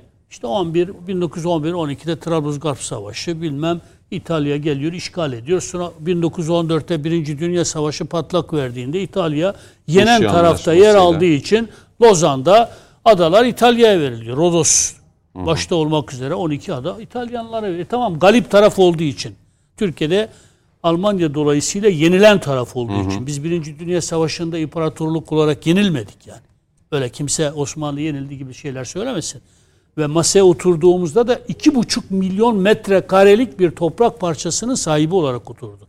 Ve o masadan 777 metrekarelik bir toprak parçasının sahibi yeni bir ülke olarak. Dolayısıyla adalar İtalyanlara verildi tamam. Ama sonraki süreçlerde adaların tekrar Türkiye'ye verilmesi, devredilmesi konusu gündeme geldiğinde tabi gündeme getirenlerin Türkiye yüklediği başka misyonlar vardı, tetikçilikler vardı eyvallah. Ee, o, oraya hiç girmeye gerek yok tarihsel bir şey ama o fırsat da değerlendirilmedi. Peki ne oldu da Yunanistan'a verildi bu adalar? İşte 1947'de Paris'te bir konferans düzenleniyor. İkinci Dünya Savaşı'nın galipleri bir araya geliyorlar. Hitler de Yunanistan'ı işgal ettiği için Yunanistan'da bilmem e, müttefik devletlerin safında işte bilmem ve savaştığı için hadi bakalım adalar Yunanistan'a. E şimdi yani hala mülkiyeti, tapusu Türkiye'nin elinde olan adalardan bahsediyoruz yani. Yani elini attığında uzanabileceğin, tutabileceğin yerler ya kaşın karşısında Meis adası Peki var. biz ne oldu da Sayın Cumhurbaşkanı bu bir gece Ha, ansızın gelebiliriz? Ki gelebiliriz tabii. Bence aslında bu güçle alakalı. Şu an Yunanistan gasıp. Yunanistan'a bu adaları veren e, İkinci Dünya Savaşı'nın galipleri gayri meşru, gayri hukuki, gayri ahlaki bir paylaşım yapmışlardır. Bana ait olan, bana verilmesi gereken toprak parçalarını onlara vermişlerdir. Ve orada askerden arındırılması gereken adalarda bile Yunanistan şu an askeri üsler kurmuştu. Böyle bir şey olamaz. Buyursun gitsinler Bodrum'a bakalım. Akyarlardan bakınız, Turgut Reis'ten bakınız. Girit, Rodos, Yani pek çok adada e, e, Kos Adası'na, eski adıyla İstanköy olan Kos Adası'na dokunacağınız kadar. Çeşme'ye gidiniz Sakız Adası. Yani böyle bir şey olur mu ya? Şimdi de işte efendim 3 mil yetmiyor bana yok 6 mil. O 6 mil yetmiyor. Yetmiyor, Gel, 12 mil. Bodrum'u da verelim. Kaş'ı da verelim size. Marmaris'i de verelim. Böyle bir şey olmaz. Bu güçle alakalı. Dolayısıyla Sayın Cumhurbaşkanı'nın e, böyle bir çıkışta bulunması e, tarihi gerçekliği bilenler açısından son derece sevindirici olmuştu. Üstelik Sayın Kılıçdaroğlu zaten Sayın e, Cumhurbaşkanı böyle bir tepki koymayı her seferinde icbar etmiştir. Yani. Ne duruyorsunuz? Ne zaman işte e, ha ama bu ülkede öyle bir şey var ki diyelim ki Bodrum'a Marmaris'e 5 dakika mesafede deniz olarak söylüyorum. Tekneyle gidecek kadar yakın olan bir yerde. Efendim ya 3 tane tavuk orada, işte 5 tane bilmem ne bir çakıl taşı için Yunanistan'la harp edeceğiz mi diyen Kardak'ta da dediler ki 3 bu tane ülke. var diye. Bakınız Kardağ'ın nerede olduğunu bilmeyenlerin böyle söylemesini anlarım da. Kardağ'ın Yunanistan'a verilmesi halinde Türkiye'nin güvenliği nasıl riske gireceğini bilmeyen yani çok ayıp bir şey yani. Ha bir toprak parçası ha bir çakıl taşı yani. Vatan vatandır yani bunu bunun büyüklükle küçüklükle alakası yok. Dolayısıyla evet ansızın gelebiliriz. Ve bence Türkiye Türkiye güç topladığında, güç devşirdiğinde kendisinden haksız yere e, masa başında alınan bu yerleri tekrar alma hakkına sahiptir. Alma hakkına sahiptir. Bu öyle emperyalist, e, işgalci e, e, biçimde değerlendirilecek bir durum değil. Çünkü oralar bize aittir. Bizim bağrımıza saplanmış bir hançerdir. Yani Kos Adası'nın Atina ile ne bağlantısı var Allah aşkına ya? Meis, 600 mil Meis Adası'nın Atina 2 mil ile ne bağlantısı var Allah aşkına ya? Ve e, yani Menteşe Beyliği'nden tutunuz. Daha önceki irili ufaklı Selçuklular döneminde o dönemden önceki beyliklere varıncaya kadar. Zaten Ege Denizi diye bir deniz yok. Akdeniz. Akdeniz var. iki o adaların hepsi Menteşe adaları olarak bilinir. Yani tarihte bize ait olan Selçuklular döneminde öyledir, Osmanlılar döneminde öyledir. Tarihin hiçbir evresinde Yunanistan'a ait olmayan adalar 1947'deki Paris konferansında masa başında Yunanistan'a terk ediliyor. Böylesine hukuksuz, böylesine adaletsiz. Onun için Cumhurbaşkanı'nın Yunanistan üzerinden kontrollü bir gerilim üreterek bilmem burada seçim e, Ha, Yunanistan'ın yaptıkları dile getirilmezken yani Tabii. sanki Türkiye'nin burada bir Yunanistan Amerika'ya güvenerek, Avrupa Birliği'ne güvenerek tahrikçi bir siyaset izliyor. Evet zaman zaman ağzının payını vermemizde Ama büyük bir yarar var. de sanki ilk hani olmasını istemeyiz ama sanki ilk adımı ilk kurşunu Türkiye atsın diye bir beklenti içerisinde. Tabii işte onu diyeceğim. Bu tür bir tahrik siyaseti Evet. var. Bunu bile isteye yapıyor. Çünkü arkasında Amerika'nın Avrupa Birliği'nin olduğunu biliyor. Türkiye'nin de yanlış bir tepki vererek e, başka bir sürece kapı açılmasını istiyor. Çünkü zaten ekonomik kriz kelimesini kullanmayalım ama ekonomik sıkıntı henüz aşılabilmiş değil. Türkiye evet bu günleri de atlatacaktır. Yani ekonomik sıkıntılarını da atlatacaktır. Siyaseten çok güçlü olacaktır ve bence tarih sahnesine 2023'ten sonra eğer Sayın Cumhurbaşkanı e, tekrar güçlü bir biçimde seçilirse ki seçileceğinden hiç kuşku duymuyorum. Çok daha tarih sahnesine güçlü çıkan bir Türkiye. Bunu istemiyorlar. Dolayısıyla o ilgili genel başkan, Mahmut Genel Başkan'ın söylediği şey bu. Kontrollü gerim siyasetini başkaları izliyor. Coşkun e, kardeşime katılıyorum. Bu masayı kimin kurduğuna, bu masayı değil yani. O masayı, Masayı kimlerin kurduğuna. bakmak. Eğer Amerika Başkanı ben ne pahasına olursa olsun Erdoğan'ı devireceğim. Tek varlık Demokratik sebebim de bu. yollarla. 15 Temmuz'da deviremediğimizi sandıkta devireceğiz diyorsa o masa Erdoğan nefret üzerine kurulmuş bir masa ise arkasında asıl o masayı kuran gücün Amerika olduğunu görmemek için kör olmak lazım. Peki.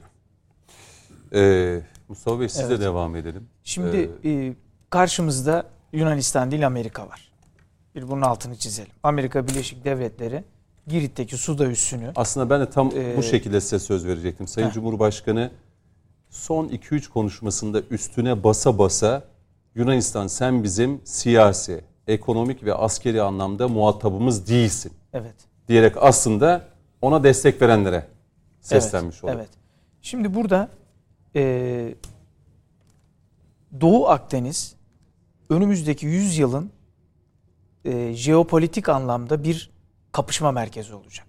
Yani bizim 100 yıllık bir mücadeleye hazırlık yapmamız gerekiyor. Yani nasıl bir önceki yüzyıl Orta Doğu'da bir İngilizlerin Kaybettiğimiz bir yüzyıldı o belki bizim adımıza. Evet şimdi şimdi ama önümüzdeki süreçte yani Doğu Akdeniz öyle 3 yıl 5 yıl değil. 12 tane devletin savaş gemileri namlularını birbirine dikti. Yani Fransa bile Doğu Akdeniz'de ne arıyor Fransa? Kıyısı mı var? Ama onun bile koca savaş gemisi bizim kıyılarımızın etrafında geziyor. Amerika'nın gemileri geziyor. Yunanistan'da bakın Dede Ağaç'a bin tane tank yığılıyor. Yani bu savaş öyle denizde Ruslara olacak. karşı deniliyor ama. Yani bunu Cumhurbaşkanı tırnak içinde yemezler diyerek Evet. aslında söyledi. Ee, bu savaş tabii denizde iki tane geminin birbirine füze atmasıyla olmaz. Topyekün bir savaş olur. Yani havacıların, denizcilerin, karacıların, denizaltının, üstün, her psikolojik harbin, her cephede olacağı bir savaş olur. Eğer Yunanistan bir çılgınlık yaparsa ve o yüzden de Dede Ağaç'a buraya gelme ben bin Onun tane bin tane hendek kazıyorlar. Yani Dede Ağaç'ta şu anda e, olası Suriye bir sınırında mesela yapılanları bizim tabii 60 Yunan sınırında da görüyoruz. Evet yani mesela diyelim bir çılgınlık yaptılar. Bizim 65. Mekanize Piyade Tugayı oradan içeri girmesin diye koca koca hendekler kazıyorlar şimdi. Yani şu anda karşımızda bir savaş hazırlığı var. Bu ciddi bir olay. Ve burada 2018'de ABD e, Deniz Kuvvetleri'nin e, enstitüsünün yayın organında bizzat ön sözünü Deniz Kuvvetleri Komutanı'nın yazdığı bir savaş senaryosunu da masaya koydular. Ve orada senaryo şu ki 2018'de ABD Deniz Kuvvetleri Komutanlığı'nın ön sözünü yazdığı bir savaş senaryosu resmi. Diyor ki e, Türkler Midilli, Sisam, Sakız gibi adalara harekatı başladığı anda Amerikan donanması harekete geçecek ve Amerikan donanması Türkleri durduracak. Bazı 6 tane korvet atacak onun oyalanmasını sağlayacak. İçeride de Türklerin içinde de harekete geçirilecek kuvvetler var. Yani o mavi vatana saldırgan yayılmacı işte bak Türkler yayılmaya çalışıyor diye İçeride denilecek. Evet harekete geçirilecek ve e, burada e, Türkiye'nin harekat yani adalara çıkmasını engelleyeceğiz. Yani uzun bir savaş işte o senaryosu. köprüleri Şimdi- vuracağız, şunları vuracağız, stratejik yerleri vuracağız Evet şimdi diye. burada e, bir defa Amerika Deniz Kuvvetleri 2018'de neden kendi resmi yayın organında bu savaş senaryolarını yazıyor? Yunanistan'a diyor ki adaları çıkartmayacağım merak etme. Yani ben buradayım ve onları ben karşılayacağım Türkleri.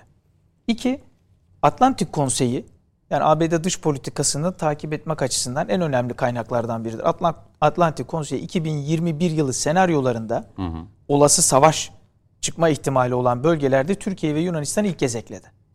Yani şu anda onlar bütün bu süreci adım adım hani Türk donanması şuradan şuraya harekete geçerse biz de bunu yaparız. Buradan bunu yaparlarsa bunu yaparız senaryoları yapılıyor. Savaş senaryoları. İkinci nokta şu. 14 Ekim 2021'de daha bir sene önce ABD Dışişleri Bakanı Yunanistan'da bir savunma işbirliği anlaşması imzaladı ve o metne ilk kez Türkiye'nin tehdit olduğunu da eklediler. Yani ABD bizim müttefikimiz olduğu söylenen, NATO'da müttefikimiz olduğu söylenen ABD doğrudan Yunanistan'la ucu açık bir, böyle 5 yılda bir de onu da değiştirdiler. Ucu açık bir anlaşma imzaladılar. Üçüncü nokta.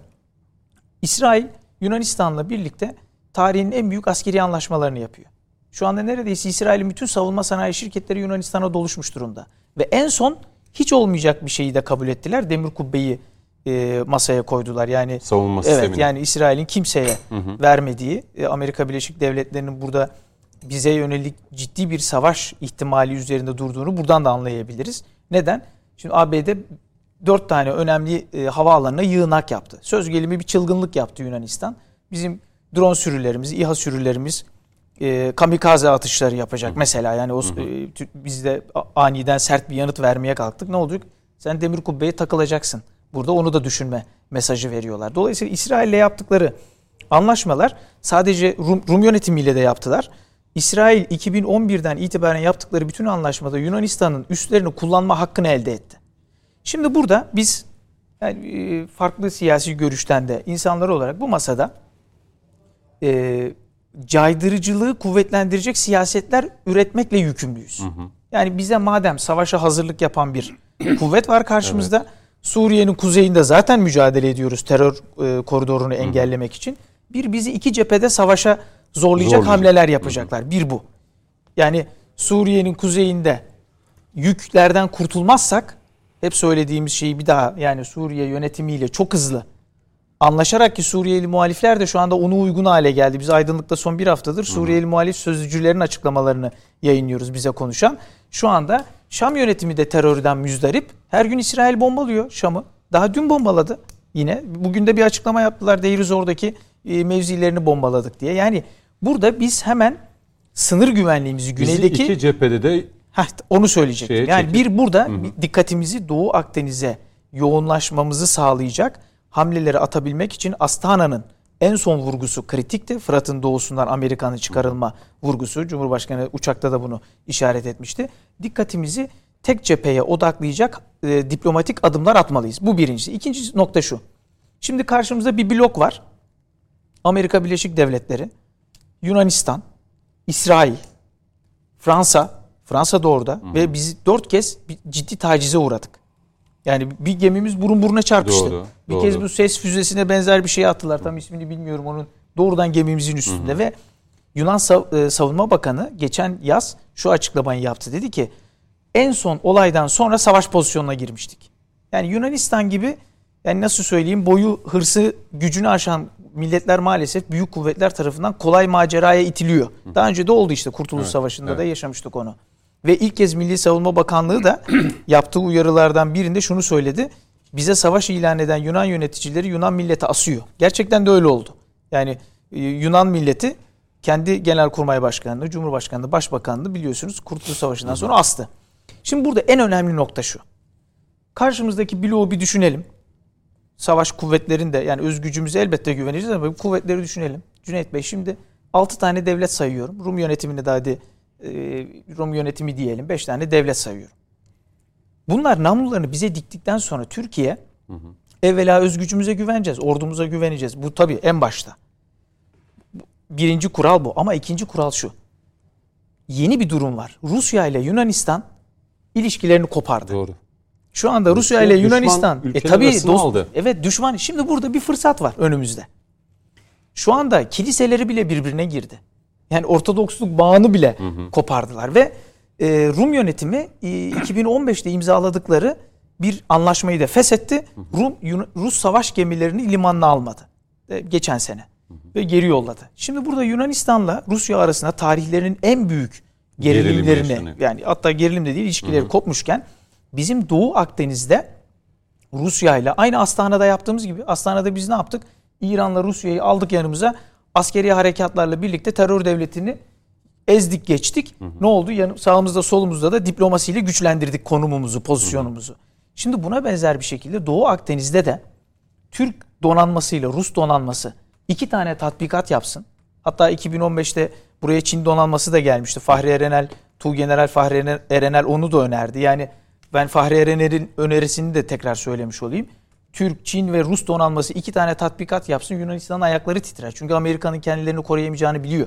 Ve burada şimdi Rusya ile böyle bir durum varken yani zaten savaşta Ukrayna ile bir hengamenin içerisinde biz burada Doğu Akdeniz'de e, on, karşı bloğa karşı ittifaklar üretecek, dayanaklar üretecek Ama işi bir pozisyona da girmemiz gerekiyor. Bu Çin donanması da Akdeniz'e Çin- girerse hani Aslında o en güçlendirir son- bizi Hı hı, de. hı hı. Geldi de bu arada 2015'te Çin donanması da Akdeniz'de tatbikat yaptı ama burada mesele Rusya. Neden Rusya? Çünkü Rusya'nın savaş gemisi var. Yani burada mesele hani bir ülke bana Anladım, söylediğinizde anladım. ben hemen şuna bakarım Cüneyt nasıl başka Kimin ülkeler kadar ittifaklar ya da işte işbirliklerine Ha, gidiyorsa Şimdi burada şu- burada Türkiye'nin e, Azerbaycan'daki zaferimizin de hızlı olmasını bir kez Cumhurbaşkanı Erdoğan Putin'in yapıcı olumlu tutumu sayesinde hızlandı o zafer diye söylemişti. Evet. Buradan şuraya geleceğim. Madem karşımızda çok büyük bir savaş ihtimali var ve bir gece ansızın gelebiliriz diyoruz. İç yıkıcılık da maalesef yani o yüzden ilk bölümde şunu dedim. Muhalefet ilk kez milli konularda karşı tarafa hizmet edecek. Yani Türkiye'ye e, düşmanlık besleyen kuvvetleri hizmet edecek bir pozisyonda maalesef. Ve e, burada iç cepheyi de sağlam tutmak bakımından caydırıcı adımlar atmamız lazım. Peki. Son şöyle bağlayayım. Tabii. Burada şimdi bu adımlar atılmıyor. Cüneyt Bey nasıl atılmıyor? Şimdi bir cümle okuyacağım. buyurun. Bu cümle kime ait? Cüneyt Bey size sormuş olayım. Herhangi bir kurum veya kişinin ABD yaptırımlarını delmesine izin vermeyeceğiz. ABD Hazine Bakan Yardımcısı Adeyemo arasındaki bizim bakanlığımız görüşme, görüşmesinde de işbirliği vurgusu yapıyoruz. Bu cümle kime ait? Bizden biri değil. Bakanımıza ait. Bakan Nebati'ye ait.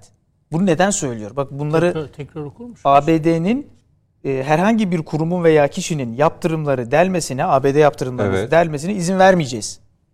ABD Hazine Bakan Yardımcısıyla e, bizim bakan yardımcımızın arasındaki görüşme işbirliğinde de bu vurguyu yaptık. Bunu neden söylüyorum? Şimdi bu meseleyi bence konuşmalıyız. Neden konuşmalıyız? Şimdi Görev Holding ve Vatan Partisi heyeti Eylül'ün sonunda Türk iş adamlarıyla Rus iş adamlarının toplanması için bir toplantı organize etmişti. Bu toplantıda biz Türkiye e, Rus e, yaptırımlara katılmayarak yani NATO üyesi ol- olmasına rağmen katılmayarak milli çıkarlarımız esastır. Amerika bundan dedi. rahatsız. Rahatsız. Sonra mektup yolladı TÜSİAD'a. MÜSİAD'a ve Odalar Borsalar Birliği'ne. Bakın Amerika Birleşik Devletleri bizim derneğimiz derneklerimize, iş adamlarımıza parmak sallıyor. Yaptırım. Heh. Şimdi burada e, Türkiye bu bağımsız tutumunu yani NATO üyesi olarak katılmadığı tutumunu devam ettirecek diye umuyorken ve Görev Vakfı ile Vatan Partisi iş adamlarını buluşturma hamlesi yapıyorken bir anda Hazine Bakan e, Bakanımız bu açıklamayı yaptı. Ne zaman yaptı? Şimdi- Gel bunu. 4 ya da 5 gün önce. Ama Şimdi Sayın burada Cumhurbaşkanı da Balkan gezisinde Avrupa'nın e, Rusya'ya Kışkırtıcı, karşı evet. kışkırtıcı Evet, evet. yaptırımlara dönük siyasetinin doğru olmadığını Evet söyledi. söyledi. Ee, tahrik, Yani- tahrik politikası Tabii, güttüğünü tahrik söyledi. politikası güttüğünü Şimdi bunu söyledi. şundan söyledim. Bakın burada e, düşman blok yani düşman blok İsrail, Amerika, Fransa bize namlusunu dikmiş. Cumhurbaşkanı bir gece ansızın geliriz. Ben şu devletine devletin elinde bir istihbarat olduğunu düşünüyorum. Cumhurbaşkanının konuşma tonundan şunu anladım. Yani Yunanistan bir çılgınlığa hazırlanıyor onu engelleyelim Peki. diye anlıyorum bu tonun yükselmesini. Madem böyle çılgınlıklara hazırlanıyorlarsa o zaman cesur adımlar atacağız. ABD yaptırımlarını delmesine kimsenin izin vermeyeceğiz demeyi ben şöyle algılıyorum. Hiçbir kurumun hangi kurum delmeye çalışıyordu? Görev Holding ile Vatan Partisi. Ben burada ilan edeyim tekrar. Vatan Partisi ABD yaptırımlarını delecek. Yani Sayın Nebati bunu istese de delecek, istemese de delecek Vatan Partisi. Peki, Neden? bu başka bir Bu- tartışma. İşte e, burada götürecek. Doğu Akdeniz'deki dengeyi de düşünerek hareket edeceğiz. Peki. Ee, Ali Bey size döneyim. Ee, yani e, Rusya ve Ukrayna arasında önce kışkırtmalarla başlayan ve sonrasında işte 8. 9. ayına giren bir savaş süreci. Sanki aynı şeyi e, Amerika, Türkiye ve Yunanistan arasında da istiyor. Ama e, kışkırtmalar öyle ki bizi tüm dünyaya ve Avrupa'ya da şöyle göstermek istiyorlar herhalde. Bak ilk başlatan, tehdit eden, işte Yunanistan için e, bir güvenlik sorunu olan Türkiye bu meseleyi başlattı gibi.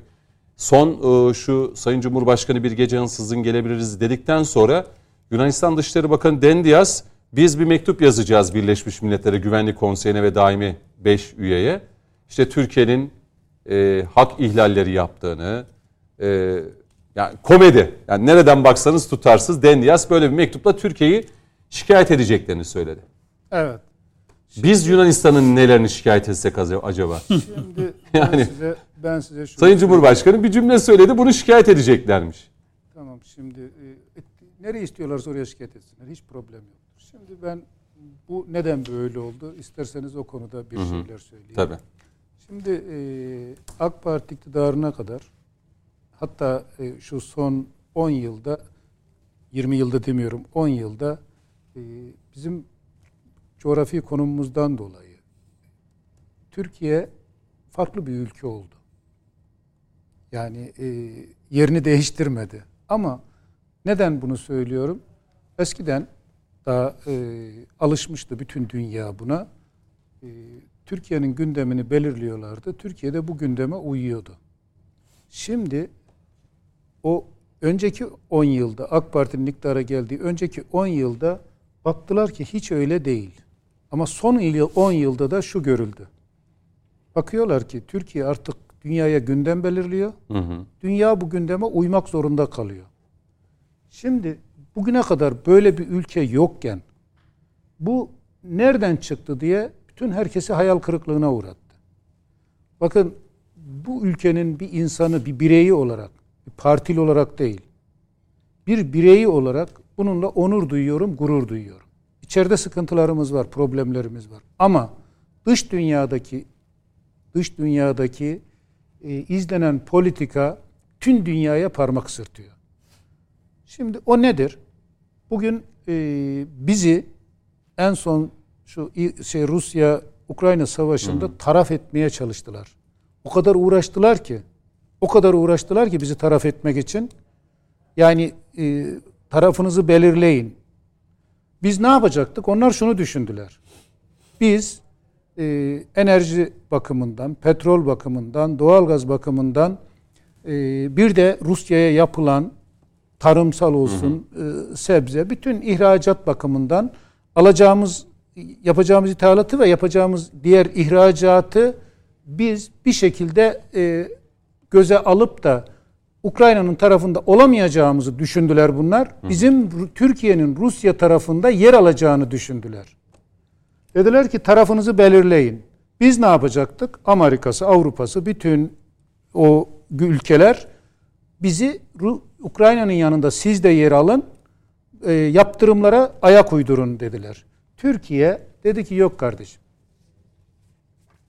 Biz taraf olmayacağız. Bizim Ankara'nın belirlediği politikayı biz güdeceğiz. tarafımız Türkiye'nin tarafı olacak. Biz kendi çıkarlarımızı koruyacağız. Kendi çıkarlarımızı korurken de o ülkenin haksız olduğunu da söyleyeceğiz. Haksızlık yapıyorsa öbür ülkenin de. Haklıysa onun haklılığını da söyleyeceğiz, bunun haklılığını da. Dünya dedi ki bu olmaz böyle bir şey dedi. Buraya nereden geldi? Aynen şu anda Yunanistan konumuz ya. Aynen şu anda Yunanistan'a yaptıklarını Ukrayna'ya yaptılar. Doğru. Ukrayna'ya Amerika dedi ki sen git hiç arkana bile bakma. Hiç geri vites yapma. Bir söylüyorsa sen iki söyle. Arkandayım dedi. Avrupa dedi ki biz senin arkandayız dedi. Hiç merak etme. Silahsa silah, askerse asker, paraysa para, her türlü imkanı sana seferber edeceğiz dediler. Sen yeter ki Rusya'ya karşı çık. Rusya da dedi ki iyi hadi görelim bakalım dedi. Savaş başladı. Ne Amerika kaldı orada, ne Avrupa kaldı orada. Hepsi gitti. Şeyde açıkta kaldı. Zelenski. Zelenski de tiyatro sahnesindeki olduğu gibi orada ortada kaldı. Baktı ki tiyatro oynatmaya benzemiyor ülke yönetmek. Bizim memlekette derler ki elin atına binen köyün ortasında iner. Güzel Tamam söz. mı? Şimdi o da bindi onların atına. Ukrayna'da meydanda kaldı. Sırtında bir tişörtle hava atmaya çalışıyor. Türkiye ne yaptı burada? Türkiye dedi ki bak kardeşim sizin de yanlışınız var, sizin de yanlışınız var. Sizin de doğrunuz var, sizin de. Siz de haklılık var, haksız olduğunuz yanlarınız da var. Gelin sizi barıştırayım dedi. Dünyada hiçbir ülke bunu yapamaz. Doğru. Biz yaptık. Türkiye iki ülkenin dışişleri bakanlarını getirdi. Bizim dışişleri bakanımız da sizin oturduğunuz yerdeki gibi oturdu. Bir tarafa bir tarafı bir tarafa da diğer tarafa oturttu. Dedi ki hadi bakalım dedi. Kozlarınızı pay edin. Gelin. Anlaşın. Benzer yaşananların hepsi de şu an Yunanistan tarafından Şimdi oraya geleceğim. Bakın oraya geleceğim. Diğer taraftan anlaşamadılar. Olmadı. Şeyle e, Putin'le de görüştü Cumhurbaşkanımız. Zelenski ile de görüştü. Hatta Ukrayna'ya gitti. evet. Hiç kimsenin yapamayacağını yaptı. Ukrayna'ya gitti, Rusya'ya gitti. Dedi ki ya savaşı bitirin dedi. Bitmedi. Onu bitirmek bizim görevimiz değil. Ama bitirmek için çaba sarf etmek bizim görevimizdi. Bunu en iyi şekilde yaptık mı? Yaptık. Sonra ne oldu? Orada tahıl krizi çıktı. Rusya döşedi şeyi mayını. Hadi çık dedi. Çıkamadı. Türkiye ne yaptı? Bu tahıl koridorunu açtı. Evet. Bugün hem Avrupa'da ama en önemlisi de Afrika'da açlık baş göstermişti. Doğru.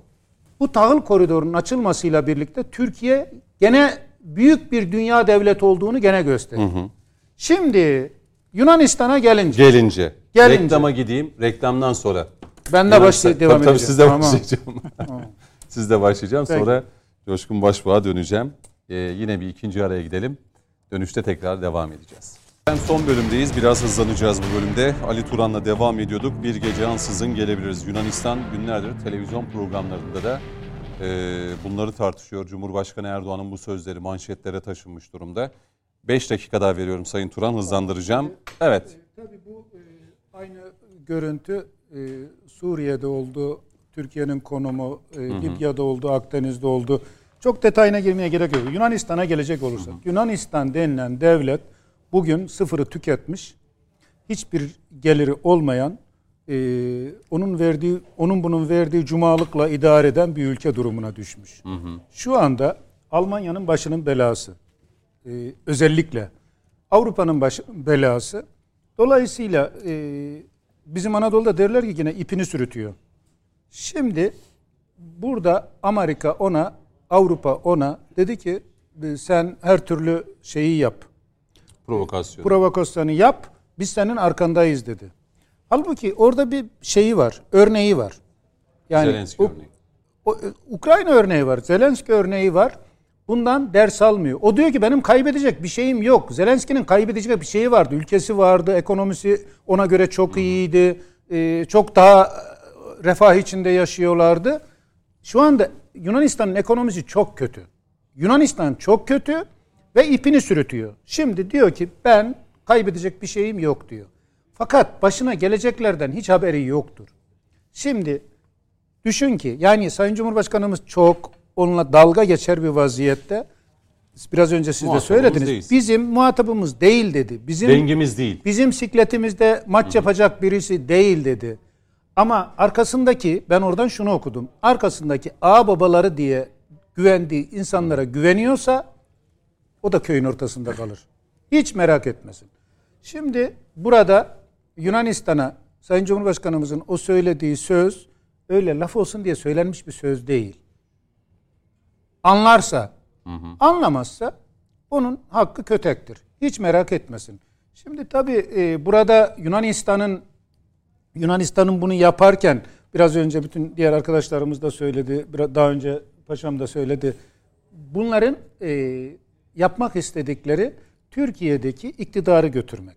Nasıl içeride o yedili masanın yedili masanın Türkiye'de şu anda seçime gidiliyor. Türk milletine verecekleri iki tane mesaj var. İki tane konu üzerine bunlar yoğunlaşmışlar. Birisi Erdoğan karşıtlığı, birisi de ekonomik kriz. Başka söyleyecekleri hiçbir şey yoktur. Türkiye'de ekonomik kriz var. Sanki biz uzayda yaşıyoruz. Biz bilmiyoruz ekonomik krizin olduğunu. Bu halk bilmiyor. Kimse bilmiyor. Sadece o yedili masa biliyor ekonomik krizi. Bir de yoğunlaştıkları bir alan var. O da Tayyip Erdoğan karşıtlığı. Şimdi bunun ikisinin üzerinde birleşmişler. Bu e, yedili masa yönetimi şimdi bu olup bitenlerden habersizmiş gibi davranıyor. Yani e, Biz dış politikayı yapıyoruz? Di- hayır dış politikayı iç politikaya alet etmeyin. Şimdi biraz önce siz söylediniz. Ben birkaç tane de e, böyle e, kendini gazeteci zanneden kişilerin yorumlarını okudum, yazılarını okudum. Hatta YouTube'dan dinlediklerim de oldu. Efendim seçim yaklaştı. E, Recep Tayyip Erdoğan Sayın Cumhurbaşkanımıza ithafen söylüyor. E, bu kontrollü bir e, şey savaş çıkarma taktiği güdüyor diyor. Sanki bizim uçaklara Sayın Cumhurbaşkanı talimat vermiş veya Milli Savunma Bakanımız talimat vermiş ki gidin siz Yunan uçaklarına kilitlenin. Yunan uçaklarını taciz edin. Gidin Yunan e, şimdi biraz önce Mehmet Bey de söyledi. Ya 1965'ten bu yana özellikle 1965'ten bu yana o adalarda hem gelmiş bizim adalarımıza konmuşlar hem de orada maraz çıkarıyorlar.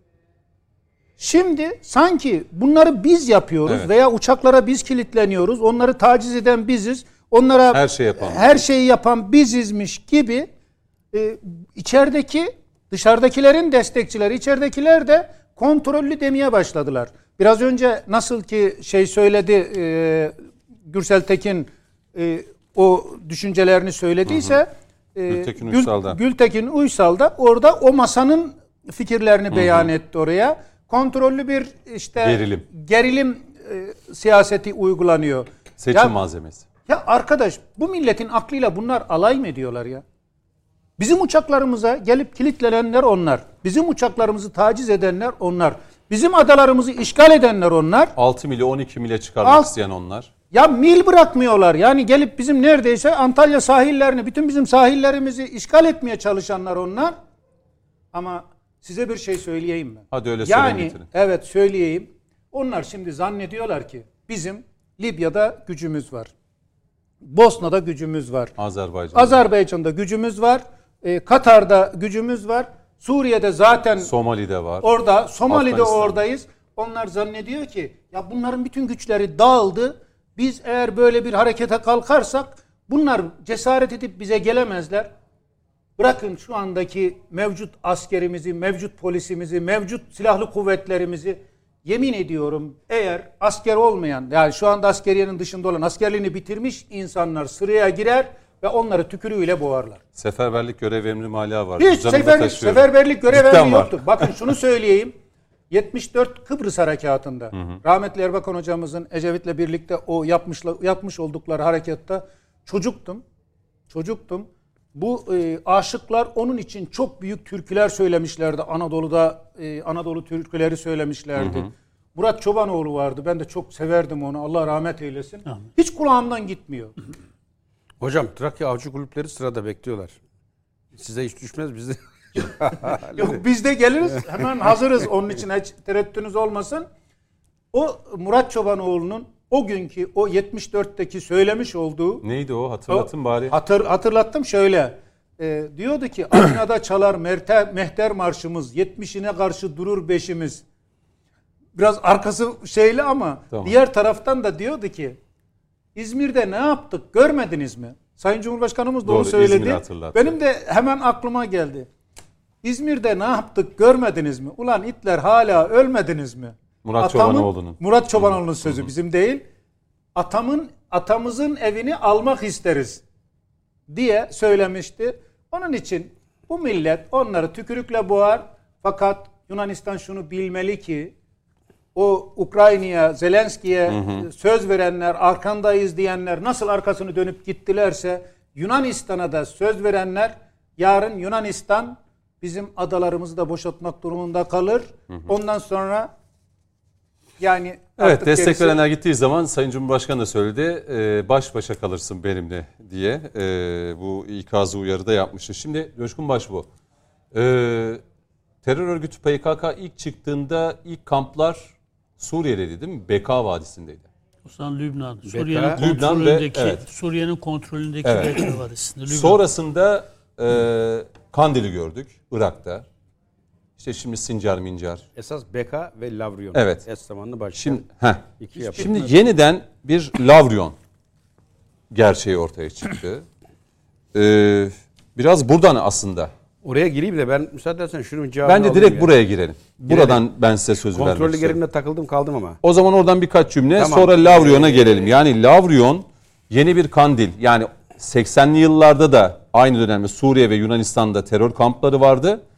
Ee, ama sonrasında Yunanistan'daki o kamplar biraz atıl kaldı galiba.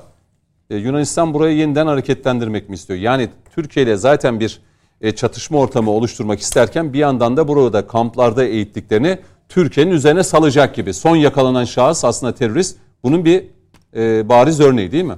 Ke- Kesinlikle. Şimdi bak şöyle. e, 86 mesleğe başladığım yıl e, ben bazen kendimi söylüyorum Cumhuriyet kuşağının en şanssız nesliyiz diye. Enflasyon, işte terör, pahalılık yani tam böyle o fırtınalı sürecin göbeğinde ömrümüz geçti. Teröre de ilk daha mesleğe başlar Biz başlamaz. ne yapalım 80 öncesi nesli? Biz daha beraber fazlasını değerlendiriyoruz. gördük yani. Beraber değerlendiriyoruz. Zaten ayırmıyoruz. 70-80 arasında çok daha fazla şeyler gördüler. 4 yaş var Mehmet abiyle aramızda. E, aşağı yukarı yakın kuşağız. Şimdi biz de mesleğe yeni başladık. E, hatta hiç unutmuyorum. E, önemli bir başlık. Asker lise yeni girdik. Yeni yetmeyiz. Spor salonuna topladılar bizi. Muhtemelen FETÖ bağlantılı bir kurmay heyetti. Gecenin kör vakti toplandık. Dediler ki biri geldi Ankara'dan. Kurmay albay. Size dedi Türkiye'yi bekleyen tehditleri anlatacağız dedi. Dev sol, dev yol anlattı. O zamanlar herkesin bildiği konu. Ardından Kürtler dedi. Lise talebesiyiz daha. Ortaokulu yeni bitirmişiz. Salonda herkes birbirine... Talebeleri de var. Hayır salonda herkes birbirine sordu. Kürt kim, neymiş dedi. Onlar duy- duymadık ki benim Erzincanlımın, Bingöllümün, Diyarbakır'ın farkı yok Dağda ki. yürürken, karda yürürken Orada kart çıktı kurt o söz. sesleri çıkan Kart anlar. kurt diye öyle bir anlattılar ki 84'teki ilk kurşunun zeminini hazırladılar. Kaç yılında? 78'de, 79'da. Erut'taki o. Evet. O patladığında ilk mermi şaşırmadık. Dedik ya anlatmışlardı. Demek ki tehdit var. Amerika o kadar sinsi oynadı ki. Şimdi o dönemde BK dedik, Suriye dedik. Ondan sonra Abdullah Öcalan dedik. Eli kanlı katil. Ama Lavrion'u da birlikte andık. Kim? Askeri camiye. O dönemde hani vatanın gerçek evlatları, işte terörle gerçekten can siperhanede mücadele edenler e, bunu delilleriyle ortaya koyduk. Dedik ya bu Yunanistan'da bir Lavrion var. Hadi işte fotoğrafları dedik. Yunanlı generaller oturmuşlar, çay içiyorlar, sohbet ediyorlar. Silah eğitimi alıyor buradaki adamlar. Oradaki yetiştirdikleri de sözde lider dediğimiz kadrolardı. Kandil'e transfer ediyorlar. Yani bir Kandil, Lavrion, Beka Lavrion köprüsü kurulmuş vaziyette. Zaman zaman denizden, zaman zaman işte havadan işleyen bir trafik. Kaç yılında kuruldu o kamp? İşte ben 86'da da mesleğe yeni başladım. Lavrion'u anlattım. Lavrion var. Genelde şey yazılıyor. 93'ten itibaren PKK diyor. e, Ben hakim oldu. ben hatta yazılıyor. o yok e, Yunanistan daha önce de vardı yani. Ya vardı hatta e, fotoğrafları ben bulursam arşivden atayım sana. Oradaki o olayları Yunanlı Sadece PKK olarak düşünmeyin aslında. Asal'a da dahil olmak üzere o zaman. Asala, DHKPC vesaire ne varsa Türkiye karşıtı Aslında orada orası bir kümeler- mülteci kampı. Evet, 1949'da. Aha. Öyle evet, sonra Evet. terör örgütlerinin Tabii. hakim Tabii. olduğu bir Yani kamp mamur oldu. gibi yani. Evet. zaten e, aslında bir yarımada. Kıyısı olan ondan sonra ama şu an yerleşim yeri içerisinde kaldı. Hani şehirler büyüyor. Ve o yerleşim yerleri içerisinde bir askeri yapılanma yani E şeklinde düzeltiyorum U şeklinde bir bina, üçer katlı. Ortada da büyük geniş bir avlu. Kamp bu. Ha bu kampta o üçer katlı binalarda eğitim dershaneleri, işte koğuşlar vesaire hani hayatı idame edecek her şey mevcut. Ee, geçtiğimiz gün İçişleri Bakanımızın sözcüsünün paylaşmış olduğu resimler de zaten o paçavralar o bahsettiğim binada asıl olanlar. Burada şimdi sabotaj eğitimleri, burada silahlı eğitimler, Bomba burada eğitimi. bomba eğitimleri hepsi esas e, bu e, bahsettiğimiz kampta verildi. Ve o dönemde çok dilledik. Avrupa'ya delillerini sunduk. Ya dedik bakın burada Yunanistan Avrupa'nın göbeğinde bu işleri yapıyor. Üç maymun. Görmezden gelen bir Avrupa. Ve e, o Lavrion zamanla işte bunları yaptığı bilindiği halde Yunanistan'ın teröre verdiği destek anlamında genel anıldı. ismi unutuldu. Şimdi bugün tekrar anmaya başladık. Neden? Çünkü anmak zorundayız. Bakın e, diplomaside şu an bana göre tarihi bir süreçten geçiyoruz. İnanılmaz başarılı bir dışişleri var. Ve dikkat edin Türkiye olgunlaştırarak süreci götürüyor. Üstüne koya koya. Mesela yapmış olduğumuz harekatlarda e, karşının diyeceği hiçbir şey kalmadı. Gık çıktı mı Fırat Kalkan'da? Niye? Sınır, roket, saldırılar hep Avrupa ile paylaştık. Bakın dedik burada böyle bir tehdit var. Bunu yapanlar da bunlar. E şimdi Türkiye bana göre Yunanistan'la ilgili şu an altyapıyı yapıyor. Teröre vermiş olduğu desteği ortaya koyuyor. Yani o aslında bana değil, gelinime mesaj. Kızım sana söylüyorum. Heh. Şimdi burada Avrupa'nın şunu görmesi lazım. Evet kardeşim burada bir kamp var. Herifler de- delillerini paylaştı. Bu kampta şu an Türkiye aleyhine yürütülen faaliyetler var. Hatta buna şu an son dönemde FETÖ de dahil. Doğru. Firari FETÖ'cüler de aynı şekilde. Bakın Sokaklar dolu. altın parola. Atina'da sokaklar dolu. Altın parola. Sınıra gelin.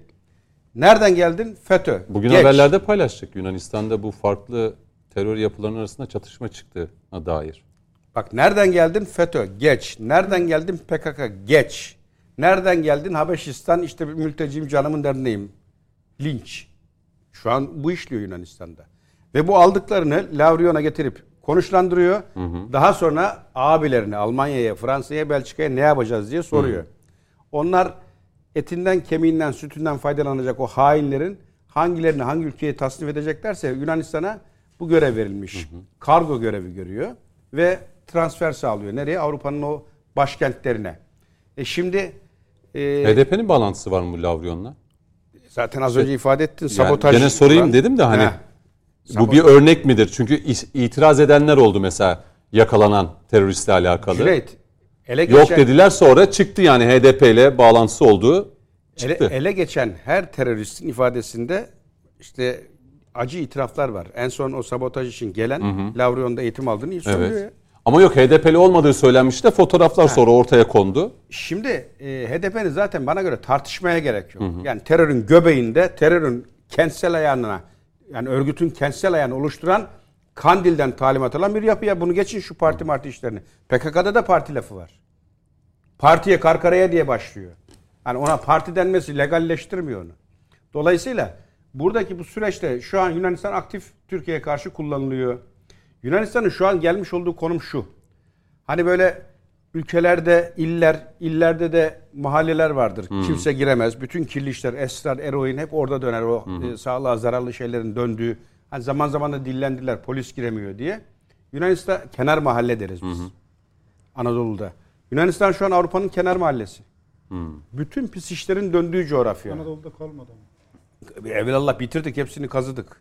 Eskiden hani bana göre bu iktidarın en büyük hediyesi o. Esnaf nefes alamıyordu çetelerden, mafyalardan. Ee, Biz Allah'a şükür atlattık ama Avrupa atlatamadı. İşte Yunanistan bir ülke kenar mahalle konumuna düştü. Özellikle Amerika. Ve bu bahsettiğim süreçte şu an biz Lavyon'u çok konuşuyoruz ve Dışişleri Bakanlığı e, düzeltiyorum İçişleri Bakanlığı yardımcısı, sözcüsü e, İsmail Çataklı mı? Çataklı'nın paylaştığı resimler aslında Avrupa'daki önümüzdeki süreçte Evet. yani Allah korusun inşallah olmaz ama en kötü hazırlık. Kardeşim size söylemiştik. Bütün dünya kamuoyuyla da paylaştık. Bu heriflerin ne olduğu zaten belliydi. E şimdi Yunanistan'ın gelmiş olduğu durum. Ben hatırlar mısın? İlk burada seninle biz harekatı konuşurken Mehmet abi de buradaydı. Şu lafı kullanmıştım. Harekat olacak. Hiç kaçar yok. Yunanistan devreye sokulacak. Ve Rakka'da biz yılanın başını ezerken kuyruk Atina'dan oynayacak demiştim. Hatırlarsın. Doğru. Daha ortada hiçbir şey yok. Niye? Çünkü Amerika'nın elinde başka aktör yok. Vekel, vekalet savaşçısı. PKK'ydı bitiyor. YPG'ydi bitiyor. Dönüp bakıyor arkada kimse yok. E, elde kim var? En kullanışlı Yunanistan. Ver Rum'a gazı. Ondan sonra sahaya sürelim. Yeni bir cephe açalım Türkiye'ye. İlker kardeşimin ifade ettiği gibi. Ve burada açacağımız cepheyle de biz Suriye'de, Irak'ta olacakların önünü keselim. Bütün tiyatro buna kurulu.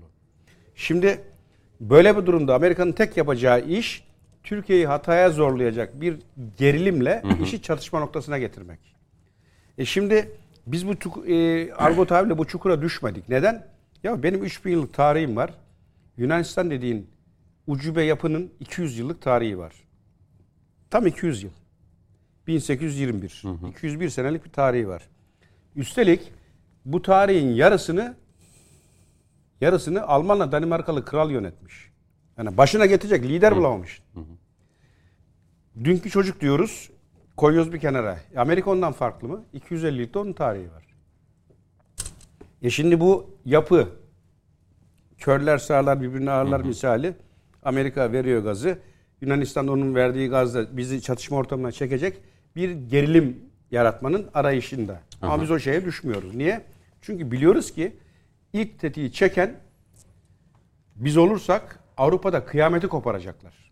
Kardeşim bak demiştik Tabii, tabii. size hasımız diyoruz, saldırgan politikalar diyoruz. Ben bunun için silahlanıyorum. Bunun için adalara çöküyorum. Adamlar zaten kafasında bu var diyerek işi bir noktaya getirecekler. Ama gerilimi yaratan Yunanistan. Hani benim az önce takıldığım konu da o. Az önce senin kontrollü gerilim dediğini bir- söyleyen bir Yunanlı değil değil mi? Yok değil ya. Öyle mi? Bizden biri. Özbeöz Türk Ha, evladı. aman ha. E, ben hani Özde'yi kapayınca bunu bir Yunanlı söyler. Başka bir kimse söylemez. Şimdi burada olay şu. Gerilimi yaratan, gerilimi tırmandıran Yunanistan olmasına rağmen hani bizde hatırlar mısın? FETÖ İngilizcesini koydu önlerine herkes kontrollü darbe demeye başladı. Evet evet. Demek ki Yunan da kurnaz koydu Yunancasını. Bizimkiler hemen Türkçe Ben şey- biraz oradan şey yapınca Heh. o 15 Temmuz sonrası kontrollü o sözcüğü beni çok rahatsız değil. etti Gültekin Uysal. Kontrollü gerilim. bu söylemler boşuna değil. Ne Bakın, yani Sayın Cumhurbaşkanı Miçotakis'le anlaşıp ya gel karşılıklı biz gerilim yapalım. E sonra Ya ben duydum da şok onun için bir daha sordum. Hani Türk mü yoksa bir Yunanistan vatandaşı mı bu cümleyi kullandı? Çipras diye. söylemedi. Heh. Ee, burayı anlayalım izleyenler de anlasın. Şimdi Hadi bağlayalım son 20 dakika 5'er dakika daha bir tur ha, yapmak bu- istiyorum. Burada benim en kötü senaryo korktuğum e, Yunanistan'da hani o aklı göremediğim için iş oraya gider mi diye sorguladığım Yunanistan biz Amerika'nın kurduğu tuzağa düşmezsek Evet. düşecek de benzemiyoruz. Çünkü e, gerçekten iyi bir süreç götürüyoruz. Bunun olmayacağını gören Amerika, Rakka'da ayak sesi duyduğu an Yunanistan'a patlat 12 mili der.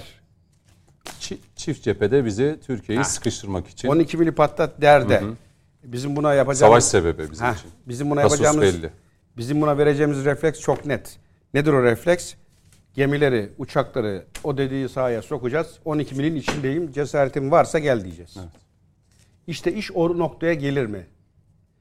Biz bunu yaparız. Ondan hiç kimsenin şüphesi olmasın da Yunanistan'da artık oradan sonra bir e, çatışma ortamına ilk tetiği çekecek akıl, e, feraset var mı? Onu merak ediyorum. Peki. Bekleyip göreceğiz. Peki. Bana göre en uç nokta o. Şimdi son 20 dakika herkese 5 dakika vereceğim ama bu konu mu yoksa ben bir başlık daha. başka. Peki. Ee, şimdi tekrar iş siyasete döneceğim değerli izleyenler. Çünkü seçim artık değil mi? aşağı yukarı 8-9 aylık bir zaman kaldı. Artık erken seçim tartışmaları da bitti. Belki Haziran'ın hani tam tarihi 24 değil de belki 18'i olabilir. Belki 12'si olabilir. Ee, Belki Mayıs olur. Mayıs olmaz gibi geliyor bana ama hani o tarihte yani Cumhurbaşkanlığı hükümet sistemi yani o kanuna göre tarih belli. 24 Haziran galiba bildiğim kadarıyla tarih olarak ama bir hafta öncesi ya da Vallahi belki... hiç, hiç bilmiyorum ben seçimle ilgili olmadığım için. Şimdi şura geleceğim. Şimdi anketlerde hani hem Millet sonra İttifakı iyice şey yaparsın. Yok. Hem Allah- Millet Allah İttifakı'na hem de Cumhur İttifakı tarafında yapılan anketlerde bir kararsızlar var Sayın Metiner. Yani bu işte dün mesela e, Bekir Ağır'ı da dinledim. E, Cumhur İttifakı işte 40-45'lerde. E, Millet İttifakı da yine 40-45 e, 40 e, bandında. Bir %15, %20 gibi bir kararsızlar. Yani bu kararsızların içerisinde küskünler var, kırgınlar var, öfkeli olanlar var vesaire ama kararsızların belirleyeceği bir seçim olacağı çok dillendiriliyor, çok dile getiriliyor. Buradan sözü size vereyim. Yani bu seçimi e, zaten konsolidasyon da olmuş durumda. Siz kararsızların mı belirleyeceğini düşünüyorsunuz? Yani- %20 az değil yani. %20 az, değil. evet. Yani eğer AK Parti hükümeti e, ekonomik sıkıntıları aşmamızı sağlayacak e, yeni bir iklim oluşturursa ben e, bu kararsızların sayısının giderek azalacağı kanaatindeyim ama kararsızların, küskünlerin, dargınların e, sadece ekonomik e, faktörler üzerinden izah edilmesinden yana değilim. Yani sadece bir metal yorgunluğu söz konusu değil.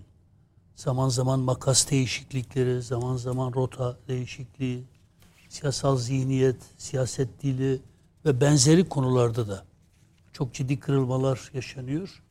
Eğer e, diğer partiler beni çok fazla ilgilendirmiyor ama e, AK Parti açısından söyleyecek olursak toplumun her kesimini kucaklayacak, kuşatacak yeni bir siyaset dili inşa edilemezse, dış politikada dengelerini çok doğru bir biçimde otur tutamazsa, e, en önemlisi de e, kendisinin asıl varlık nedeni olan milletin istediği siyaseti milletin istediği doğrultuda. Ama milletin hiçbir ferdini, hiçbir aidiyetine bak, bakmaksızın dışlamayan bir kuşatıcı siyaseti.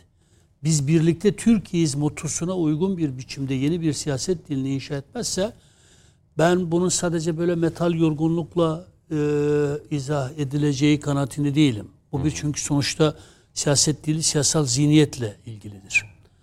Ben e, seçime doğru giderken e, AK Parti'nin kendisini yeniden yenilemesini, belki yeni bir AK Parti, yeniden bir AK Parti e, kurgulamasını Siz çok önemli getiriyordunuz. Bu arada altını çizeyim. Çoğu anketlerde kararsızlar altılı masaya da güvenmiyor. Yani kararsızlar yüzünü altılı masaya çevirmiş durumda değil. Yani ben şey bilmiyorum tabii seçime doğru giderken evet e, seçim konuşacağız, siyaset konuşacağız. Ben demin bir şey söylerken şunu kastetmek istedim. Aktif siyasetle ilgili. Dolayısıyla vallahi de bilmiyorum seçim hangi gün geliyor çok meraklı değilim. Çok da bekliyor değilim. Ee, e, ama şunu kendi partimiz açısından, AK Parti açısından söyleyecek olursam yeni dönemde eğer Ankara'dan adaylar belirlenirse, milletin istemediği adaylar tekrar millete dayatılırsa, milletin istediği adaylar birilerinin adamı olmadığı için dışlanırlarsa, e, ben ekonomik durumda iyileşme olsa bile siyasal sonucun çok daha yıkıcı olabileceği kanaatindeyim. AK Parti Bunu adına görüyorum kendim. Bunu söylediğim için birileri rahatsızlık duyacaklarsa duysunlar. Millete rağmen siyaset olmaz. Milletin isteği doğrultusunda siyaset olur. Milletin adamlarıyla siyaset olur. Yapılacak olan şey şudur. Yani ekonomik sorunun ben e, hükümet tarafından çözülebileceği kanaatindeyim. Dolayısıyla bu ekonomiden kaynaklı bir takım hoşnutsuzlukların sandığa AK Parti aleyhine yansıyabileceği kanaatinde değilim. Atılan ve atılacak adımları e, düşündüğüm zaman. Ama öteki türlü siyaset bağlamında, pratik siyaset bağlamında, teorik siyaset bağlamında bir o zihniyet yenilenmesine, e, kadro yenilenmesine şiddetle ihtiyaç olduğu kanaatindeyim. Aynı zamanda da aynı zamanda da e, milletin adamlarıyla artık millete karşılığı olan, siyasette karşılığı olan, katkı e, artı değer oluşturabilecek işte bu denilebilecek insanlarla yürüyen bir AK Parti'nin sıkıntı yaşamayacağı. Yoksa e, efendim işte Sivas'ta herkes diyelim ki Ali Turan'ı istiyor ama e, Ali Turan e, filan adamı değil. E, Ali Turan olursa e, boyun eğmez, baş eğmez. Boyun eğen insanlarla yol yürünmez. Yol yürünmez. Onun için ben e, objektif kamuoyu anketleri yapılabilir milletin adamları her yerde. Bunu yapmak zor değil ama manipülatif e, manipülatif anketlerden bahsetmiyorum. Yani e, her yerde milletin istediği adamlarla yol yürüyen güçlü bir AK Parti siyasal zihniyetini, siyasal dilini yenilemiş. Hatta değiştirmiş bir AK Parti. Peki. Yani onu çok önemsiyorum. Ben fabrika ayarlarına dönmek gerektiğini falan e, savunanlardan değilim. O bitti o. 2002'deki e, Türkiye Dünya yok. değişiyor. 2002'deki Türkiye göre e, kurulmuş ama e, bir AK Parti yok. 2022'nin 2023'ün dünyasına, Türkiye'sine uygun. Ama en önemlisini söylüyorum bakınız. Ben Sayın Cumhurbaşkanı'ndan da hasreten rica ediyorum. Sayın Cumhurbaşkanı sadece Cumhur İttifakı'nın Cumhurbaşkanı değildir. Herkesin Cumhurbaşkanıdır. Bu devlet hepimizin, herkesin devletidir. Devlete aidiyet bağını örseleyecek siyasat siyaset dilinden hızla e, vazgeçilmesi gerektiğine inanıyorum. Herkesi kucaklamanızdan. Bu Peki. herkesi kucaklamadan kastettiğim şu değil. Efendim FETÖ'cü terör örgütünü de mi kucaklayacağız? PKK terör örgütünü de? Lütfen bu tür böyle e, troll ağzıyla kimse karşımıza çıkıp söylediklerimizi önemsizleştirmeye kalkışmasın. Mezhebi aidiyeti, etnik aidiyeti, dini aidiyetin olursa olsun bu ülkeye bağlılığını bildiğimiz, CHP'li, İyi Partili, bu bunun kastediyorum. Bu dil Türkiye için, devletimizin bekası için, milletimizin birliği için gerekli bir dildir. AK Parti yola çıkarken bu dili esas aldığı için zaten milletten teveccüh gördü. Dolayısıyla tekrar buraya dönen, pratik siyasetini de bunun üzerine inşa eden, milletin adamlarıyla yol yürüyen bir AK Parti'ye ihtiyaç var. Bunu da her türlü siyasi mülazanın dışında, Dışında. söylüyorum. Ee, aksi takdirde ekonomik sorunları çözen bir parti bu kararsızların şeyini toplayamaz. Bir de bu küskünlükleri, dargınlıkları hızlı bir şekilde gidermesi gerekiyor. Çok çok rica ediyorum. Hiç kimse partisinden daha büyük değildir, davasından daha büyük değildir. Enaniyeti had safhada olan insanlar da artık bir kenara Peki. bırakmakta e, yarar vardır. Özellikle de kripto unsurlara karşı çok azami bir duyarlılığın, yeni dönemde de tekrar e, AK Parti'nin içine sızabileceklerini düşünerek azami bir e, çabanın, azami bir e, seçme algısının devre alınması Peki. İnanıyorum. Sayın Metiner'den sonra Sayın Turan'a döneyim ki siz de e, aynı dönemde milletvekilliği yaptınız. Sayın Metiner gibi mi düşünüyorsunuz? Kararsızların açıkçası e, 2023 için kriteri ne olabilecek? Yani kararını vermesi açısından. E, buyurun buradan sözü size bırakayım. Bize böyle teşekkür ediyorum. Sürede çok daraldı. Süremiz Onu da. çok daraldı ama şunu söyleyeyim. Şimdi önümüzdeki dönemde artık e, siyaset çok hızlanacak. Bununla ilgili e, bu vatandaşın o yüzde yirmiye yakın bir kararsız seçmen var dediniz siz. Bence hiç kararsız seçmen yok. Kararlı fakat Mehmet Metren Bey'in söylediği gibi de biraz kırgın, dargın, küskün var. Ekonomiden dolayı sıkıntısı olanlar var. Fakat e, bunlar bu ülkenin insanı. Hepimiz bu ülkede yaşıyoruz. Şimdi e, bizim kendi şahsi işlerimizle ilgili bir şey olsa biz istediğimiz gibi istediğimiz hareketi yapabiliriz. Ama bu ülke meselesi olduğu için Bunda vatandaş artık eskisi gibi değil. Dünya da çok küçüldü. Artık şu telefonun içine girdi. Her şeyi burada görüyor. Dolayısıyla aradığı her şeyi burada buluyor. Eskiden benim aklıma bir şey takılıyordu. Bir kitap almaya gidiyordum. Kitabı buluncaya kadar akla karayı seçiyordum. Şimdi öyle değil. Buradan bir giriyorum hemen e, Hazreti Google her şeyi getirip önüne seriyor. Dolayısıyla e, Türkiye'nin doğusundan batısına, güneyinden kuzeyine herkes bu ülkede yaşananları, yaşaya, yaşanacakları çok iyi tahlil ediyor. Seçimlerde de o hassas terazi tekrar koyacak ortaya. Şimdi iktidar vatandaşa gelecek. Vatandaşa diyecek ki biz seçime gidiyoruz. Evet, 20 yıldır bu ülkeyi idare ediyoruz. Karşımızda da bir muhalefet var. Biz bugüne kadar size caklarla, ceklerle hiçbir şey söylemek istemiyoruz. Bizim yaptıklarımız, yapacaklarımızın teminatı diyoruz. Şimdi e, bugüne kadar eksiklerimiz var ama yaptık. E, yaptıklarının son zamanda e, şunu söyleyeyim. Vatandaşın tam can damarına dokunacak işler yapıldı. 3600 ek gösterge, şimdi EYT, EYT çalışması Sözleşmeli yapılıyor. Sözleşmelerle ilgili, e, yine taşeronla EYT ilgili, EYT konusu zaten şu anda çalışmalar yapılıyor. En önemlisi de 10 milyon icraya e, takibe Doğru. düşmüş dosya Silindi. e, siliniyor. E, ondan önce de e, 3,5 milyon öğrenciyi ilgilendiren e, öğrencilerin o ödemesi gereken Kredi kredi, faizleri. faizleri vardı. İşte yüzde beş mi olsun, yüzde on mu olsun? Sayın Cumhurbaşkanı çıktı dedik hepsini sildim dedi. Sildik dedi hepsini. Bunun devlete maliyeti ne olursa olsun biz buradaki bu öğrencilerimizi biz mağdur edemeyiz. Muhalefet bunu bile istismar etti. Dedi ki faize karşısınız dedi. En yüksek faizi öğrencilere verdiğiniz krediye uyguluyorsunuz. Ya halbuki bunlar önceden tü, üfeye tüfeğe göre uygu, e, şey uygulanan bir Şunu sistemdi. soracağım aslında süre daraldığı için. Evet. Ee, seçimde kararsız ya da kırgın ya da işte Tam oraya onu söylüyorum. yani dışarıdaki yaşananlar üzerinden mi o kararsız seçmen sandıkta kararını verecektir? Yoksa ya son bir, bir buçuk yıldır ekonomide, dünyada olduğu gibi yaşanan sıkıntılar var. Ona göre Evet karar şimdi verir. bakın tam onu söyleyeceğim ben de. Şimdi bakın dolayısıyla biraz önce biz bu Yunanistan e, konusu olduğu için dış politikayı Türkiye'nin ne kadar sağlıklı bir dış politika e, uyguladığını işlettiğini gördük. Anlattık onu bunu. Bunu söylemeye gerek ama içeride sıkıntılar var, problem var. Bu problemlerin giderilmesi için de bu e, elinden gelen bütün gayreti sarf ediyor. Bugün İngiltere'de devlet 150 bin devlet memurunu sokağa koydu.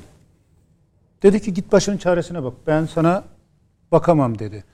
Avrupa'da işte enerjide tasarrufa gidiyor. Bugün ona, ona gidiyor. 8-9 ülkede inanılmaz kararlar alınmış. Kararlar alıyor. Hatta en İnanılmaz. müreffeh ülke sayılan İsviçre'de diyor ki mum alın, odun alın diyor evinize Evet, diyor. evet, evet. Ama Türkiye'de hayat pahalılığı var ama ne enerji kısıtlaması var, ne doğalgaz kısıtlaması var, ne petrol kısıtlaması var, ne o var ne bu var.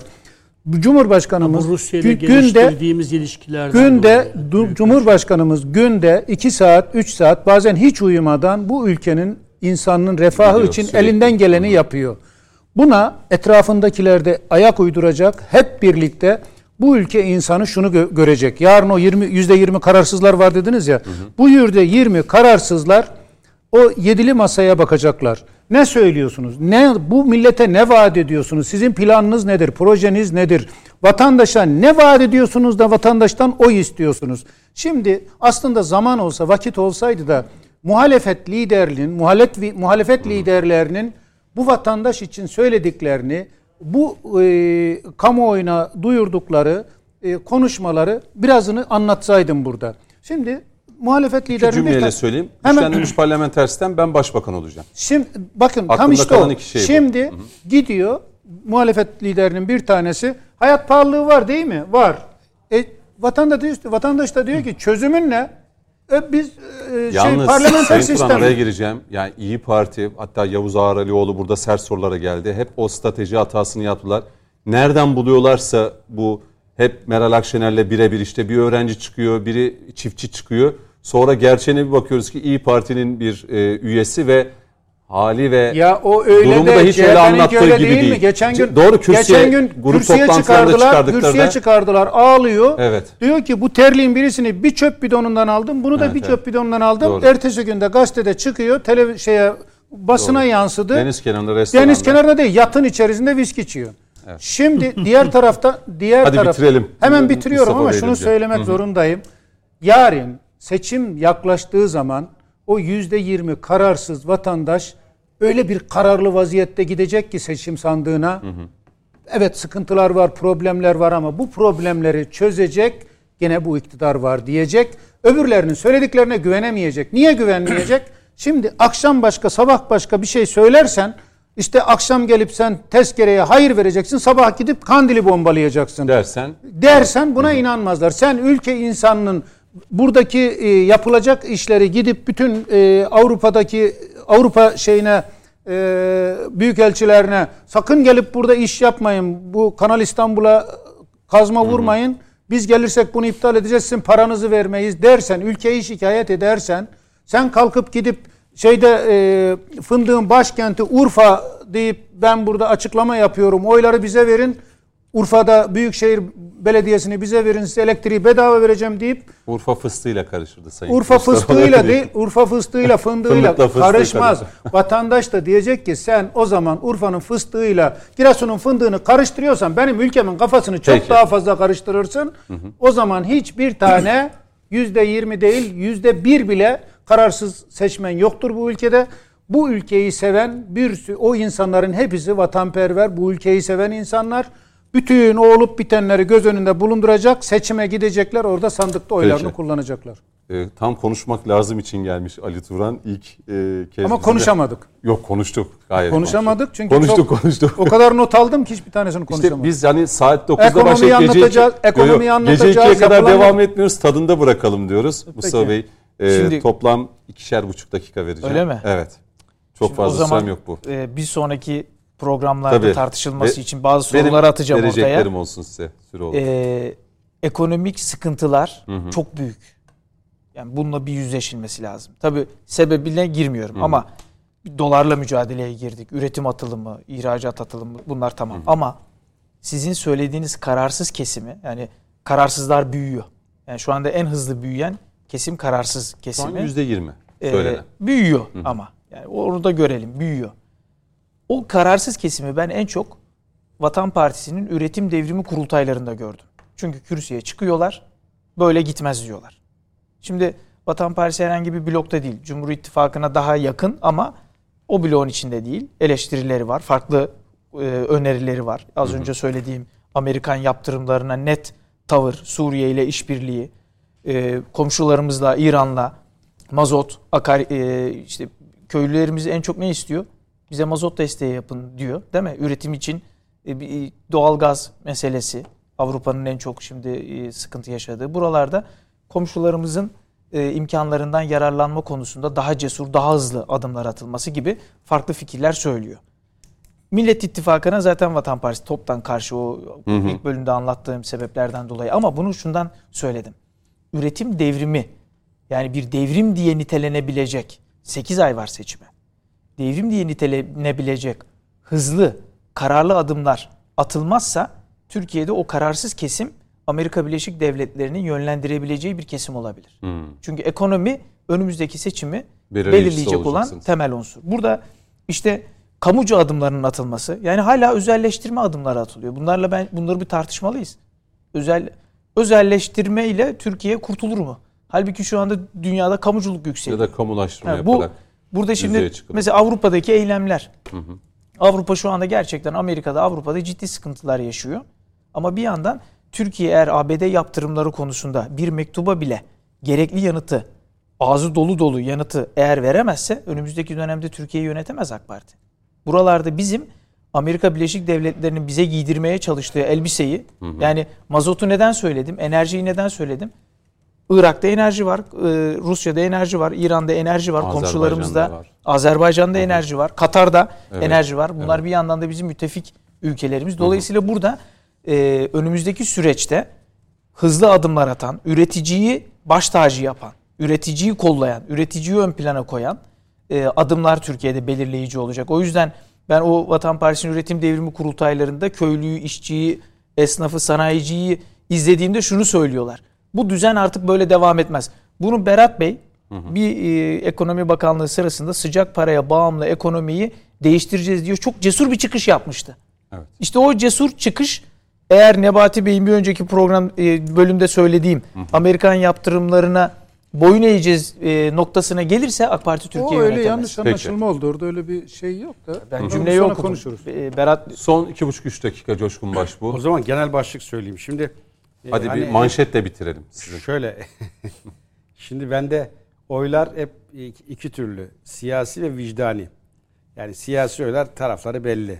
İşte muhalefet veya iktidar kanadı o kemik oylar. Onlar hiç e, her ne şart olursa olsun partisine verecek olanlar.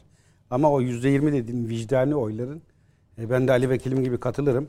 O sandığın başına geldiğinde o vicdanının sesiyle hareket ederek devlete küslük olmayacağını ve hani çok sıkıntılı günlerden geçiyoruz. Bunların hiç kimsenin şeyi yok, itirazı yok. Ee, bu sürecin e, dünyanın yaşadığı genel bir süreç olduğunu göreceği kanaatindeyim. Bakın biz her seçimde ne diyoruz? En kritik seçim.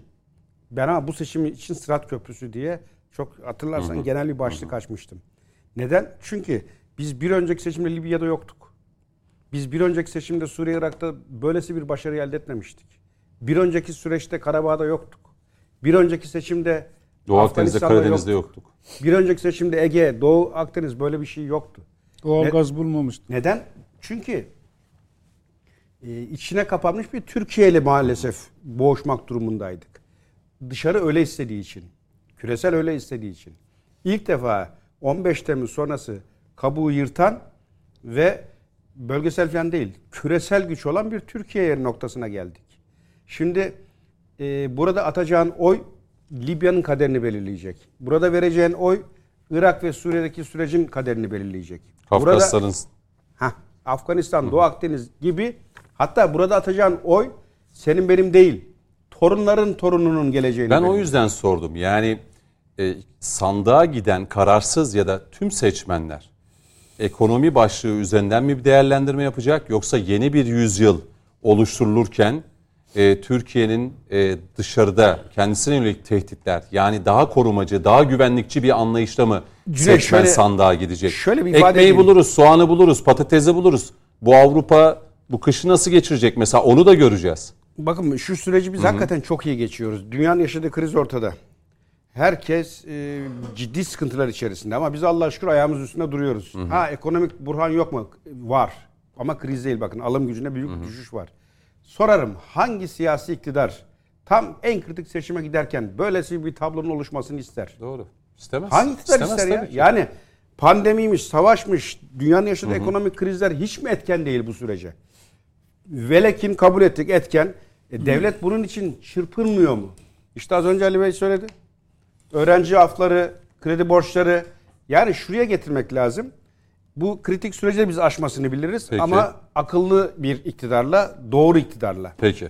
Ee, yani şimdi Avrupa 7 bir kışı geç- Haziran 7 Haziran seçimlerinin sonuçları iyi analiz edilmeli. İstanbul seçimlerinin niye kaybedildiği iyi analiz edilmeli. Propagandanın dili elbette ki gereklidir. Seçime doğru gidiyoruz. Her birimiz bu dili belki kullanacağız. Ama ayakları yerden kesik analizlerin sandığa nasıl yansıdığını da 7 Haziran seçimlerinden sonra ağlayarak süreci yaşayanlardan biriyim. Milletvekili seçildiğim halde bir hafta boyunca ağladığımı bilirim. İlçe başkanlarımla beraber. İstanbul'da en zayıf adaya karşı en güçlü, en tanınan adayla çıkmamıza rağmen niye kaybettiğimiz. Yani ortada hiçbir sorun yokmuş gibi. Sonra vatandaş gidecek gene dersek e, kendimizi hata. yenilemezsek, Peki. dilimizi, davranışımızı, siyasetimizi yenilemezsek Onu Ee, baştan söyledim. Eksiklerimizi tamamlayarak. Peki. Ee, bitiriyorum. Ee, Coşkun Başbuğ teşekkür ediyorum. Ben Şu Avrupa kışı bir yaşasın bakalım. Ee, önümüz uzun bir kış. Kurt kışı geçirmiş ama 7 ayazı unutmazmış. Avrupa bakalım 7 ayazı unutacak mı? Biz bu kışta nasıl bir süreci yaşayacağız? Onu da göreceğiz tabii. Hep birlikte yaşayacağız.